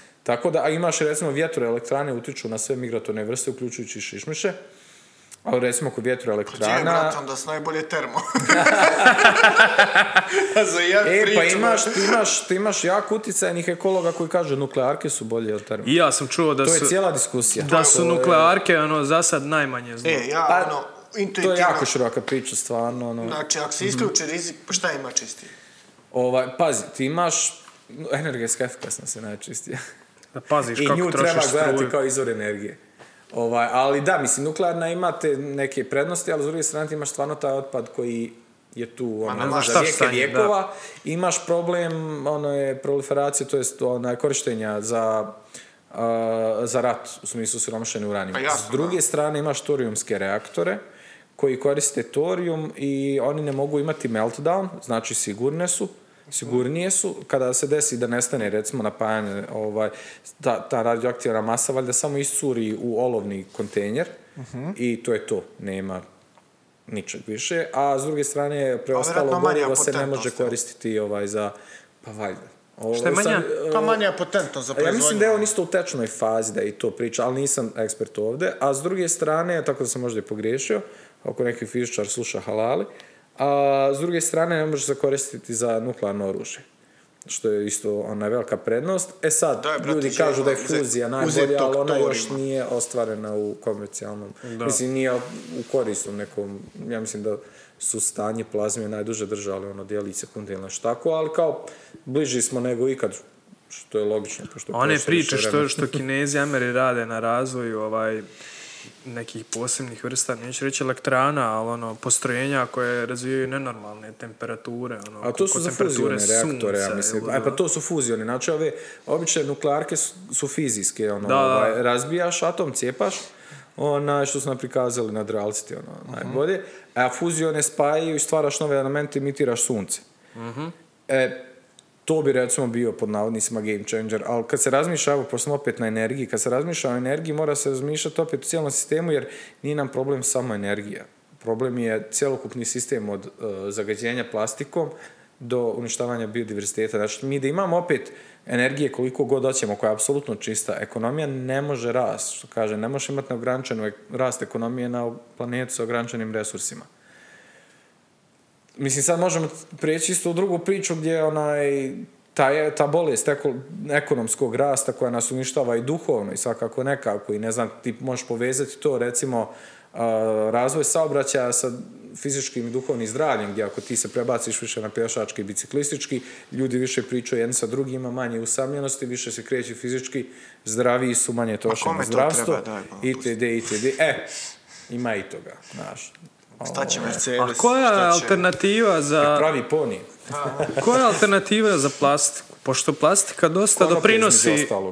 doprinosi ovaj, da, jebi ga imamo svijet ovakav kakav jest. Od, od tih napitaka do čuvanja povrća u onim LDP plastičnim vrećicama do ne znam nija Da, papir definitivno nije, to da se plastične razumije. boce koje puštaju kancerogene materije kada se zagriju i tako dalje. Ovaj, pa recimo između ostalog industrijska konoplja je jedna alternativa. Da. Imamo staklo naravno i prelazak, e sad je tu e, strateški trenutak, nije samo stvar resursa, nego je stvar i logike korištenja. Znači, odeš u supermarket, poneseš pet, pet tegli, u jednu istreseš, istreseš zobene pahuljice, u drugu istreseš uh, mlijeko, u treću uh, Jasno, gel da. za tuširanje itd. itd. I tako je donekle, ne, i, eto, vraćamo se na selo, prije je bilo na selu, imaš lopatu, promijenio si pet držalica, nisi bacio Ko cijelu lopatu kad da, se slomio. ko brzi u mučkama, kad kaže, pa to je ista lopata. Pa E, vidio to, to, sam, Pa to. sad ne mogu ja set brojeva, ali u suštini ono 20 držalica i tri, kako se zove onaj, one glave gore, kako se zove. Tako da imaš to, a sa druge strane imaš samu materiju gdje, eto, recimo, vraćamo se na industrijsku konoplju, neki kažu preko 20, drugi kažu preko 50.000 namjena. Recimo, ja mislim čak kad se spominjao Mercedes u šale, ali ja mislim da Mercedes za neke e, komponente automobila koristi industrijsku konoplju. A, Patagonija u, u Poznati proizvodnji, brend, da. poznati brand, ovaj, oni koriste također, ima ih dosta, imaš recimo, meni sad, pošto to googlam često, pa mi na fejsu, ono, nemam ad blocker, ovaj, iskaču mi neke patike koje su napravljene od konoplje i neke masije koja se dobija od algi. Tako da, ali sve to opet je ekološki do određenog nivoa, Ma znaš. jasno, ono- zavisi, mora se sve gledati u kontekstu cijelog sistema. Jasno. E, upravo i kompleksnosti sistema, tako da je stvar i, od, i kod energije i kod zamjene plastike je u stvari da ono, jedna veličina ne odgovara svima. Negdje će ovo biti rješenje, negdje će ono biti rješenje. Ovaj, tako da, ali što se tiče ovaj, tog trenutka resursa i korištenja materije, ono, reduce, reuse, recycle, znači koristi, koristi manje, promisli da li ti stvarno treba recikliranje, prenamjena. U osnovi dosta toga stvarno opet ponovit ću to, mi smo već imali na selu, naši stari su, znaš, zašivo si jaknu pet puta, 10, 50, ovaj, koristio si alat, ne znam, onaj, za, drugi kako se zove, za pa, ono, apsolutno drugi pristup, onaj, neko mi je pričao, ovaj, od ovih starih, ovaj, kako se zove, ovaj kamen za oštrenje kose, ne mogu se sad sjetiti imena, ona kažu, to si mogao nekada za vola, za mijeto koji imaš baš dobri, to su ono po tri, četiri generacije kao išlo iz ruke iz ruku, ono, ako su meni slagali, lađe mi ja vas. Da. Tako da, ali industrijska konoplja ima potencijal stvarno da zamijeni puno toga, onaj, jer se može koristiti za ishranu, može se koristiti kao zamjena za plastiku, kao zamjena za građevinski materijal i za izolaciju i za građenje takozvani hempcrete, kao ovaj, beton od konoplje I kao izvor energije kao također. izvor energije i ne znam nija stelja za stoku i, i za hranu, ono takozvana super hrana, recimo puno vegetarijanaca, sportista je koristi jer je- ja mislim da je jedan od najvećih izvora proteina u biljnom svijetu. Tako Brate, da šta je, reći, kao biljka Pa bogom je- dan, ono. Što smo je, brate, ono, što smo je skrajnuli? Zato je Zbog pamuka, zbog i drveta, nafte, i nafte, nafte. drveta nafte. Da. Tu je sad ta priča oko lobija vamo tamo, ovaj, ali između ostalog stvarno je to bilo čisto... E, to je sad taj trenutak kada ti financije postanu umjesto alat, postanu ti ovaj cilj. I ja, iako Sa- više sa- naginjem... Samo se svrha. ono, Upravo treba- to. Iako ja, on, naš, nisam 100% komunista, recimo više naginjem u lijevo nego u desno, ali ovaj, što se tiče ekonomije, ovaj, više naginjem prema nekom socijalizmu nego kapitalizmu, ali neću reći da je kapitalizam 100% pogrešan, kao oruđe on može biti koristan. ali Nekako je prirodan, više je prirodan od komunizma, ovaj kapitalizam. Znaš, Ponovi? prirodniji je. Jer a, prirodno je, kako bi rekao, ti gledaš, posmatraš lavove, brale. Jedan lav ima devet lavica, razumiješ? I on je najjači i on tare. I prirodno je, na primjer, to sam ja već objašnjavao u nekim prijašnjim epizodama, kako je meni moj poslodavac objasnio ovaj kapitalizam. Kao prirodno je da imaš 10% ljudi koji su van serijski, koji hoće da odu na Mars, na primjer. I da imaš 80% ljudi koji se ugleda na tih 10% i, i otprilike živi taj neki život. A 10% ljudi, onih zadnjih, preostali 10% ljudi njih boli tuki, razumiješ, oni nisu ni za šta, oni, ono, oni su otpadnici društva, njih ne možeš promijeniti kako god da okreneš. Jednostavno, ono, takvi su. A dok komunizam ide u nekom fazonu kao imaš 10% ljudi koji bi htjeli na Mars i imaš 80% prosječnih likova. Ićemo do mjeseca, nećemo do Marsa. Ne, i imaš 10% od ovih, ajmo uslovno reći debila. I kao, Devijanti. neko kaže, svi ste vi isti, razumiješ? I onda ovaj, što će da ode na Mars, kao, brate, što bi se ja trudio na Mars, kad ja, koliko god da radim, dobijam isto koji ovaj lik koji je 80%. To Ili da, to- ovaj što ne radi ništa. To je ne, negativan. Znaš, ovaj. i to je onda ono nekom najbazičnijem primjeru koja je razlika između kapitalizma i komunizma i zašto je ovaj prirodni sistem Da, od ali komunizma. to znači koliko ti vrednuješ odla- odlazak na Mars. Ako ti vrednuješ, recimo... Ali ne- nebitan je Mars, ne, znaš. ali je bitan kad koristiš, mislim, kad koristiš kao primjer da, mislim, razumijete. Analogija može biti bilo šta. Aj, ali ovdje stvar kod analogije što o, ovdje ne znači da ljudi, da ćeš ti o, ukinuti u nekom kontrolisanijem kapitalizmu ili socijalizmu, čem već, da ćeš ti ukinuti ljudima nagon za izvrsnost, onaj, ali je stvar sistema vrijednosti ovoga što sam rekao gdje postavi cilj sam za sebe. Jer ovdje taj nezasiti rast i ta neka alfa male, kao alfa mužajak energija postane i, do- i, i idealizovana umjesto da postane ta neka njegujuća pod navodnicima malo više majčinska energija. Recimo kad ona postane, jer isto kao kod nas se Znaš, imaš pred, prednost, ima, imaju određeni tipovi inteligencije. Recimo, emotivna inteligencija se tek donikle otkriva, da ne pričamo za naše prostore. E sad, recimo, ako bi taj odlazak na Mars bio da edukuješ što više ljudi, a ne da nakupiš što vi, jer ti u ovom kapitalizmu kakav jeste, ti imaš direktora koji će otpustiti 20.000 ljudi, ono, unesrećit hiljade ljudi, ovaj, porodica i šta ja znam, on će i dalje dobiti na kraju godine bonus. Jer je unapredio poslovanje firme, ali, ga je, ali je on to poslovanje firme offsetovao u Kinu, gdje ono sastavlja četvorogodišnjak taj iPhone i ono skoči sa zgrade da se ubije u sedmoj Ne, godini. ja sam, ja samo da... Pa, ali opet nije crno-bijelo. Pre- Samo da se ovaj ogradim, ja mislim Ne, isto, ja isto mislim da je neki hibridni sistem najbolji. Nijedan da, da, da. e, pojedinačni sistem nije bolji od drugog. Da, ja sam da, rekao da. da. je ovaj prirodni, ajmo reći, ali generalno ja mislim da treba naći neki hibridni sistem koji će povezati najbolje od oba sistema i napraviti neki super sistem. Da, da, da, i ekstremna ljevica, ekstremna desnica, ono... Ne, ne bude ničemu dobro, u- da, da, to je tu kompletno sranje. Tu se saglasim. Šta je, hoćemo raspererati? Pa a? jevi, ja mislim da smo iscrpli ovu energiju. Crklo sam više tebe, ja mislim. Nemoj tako, je. Pa dobro, ajmo rasperat, ne šta. Ovaj, Ovaj, Bilo je super, ja volio da smo još zabrijali za, oko ove eko priče, ali dobro, ima vremena. Ima vremena, ima ti tema, nekad opet, Svoje šta? smo, ovaj, nije možda ako završim master, eto, ako sam naš, ako pronađem nešto pametno. A mi tome. ćemo kamere spremiti pa da nas se malo gledamo sljedeći put i da se malo ošiša, znaš. E, pa, onda ću morati uspravno sjeti i ispraviti leđa. Ne, brate, niko. Ovako ćemo sjediti, ovaj, naravno, opušteniti se skroz. Dobro, ljudi, to je to. Do slušanja. Bog vas blagoslaveni. Jak Perun.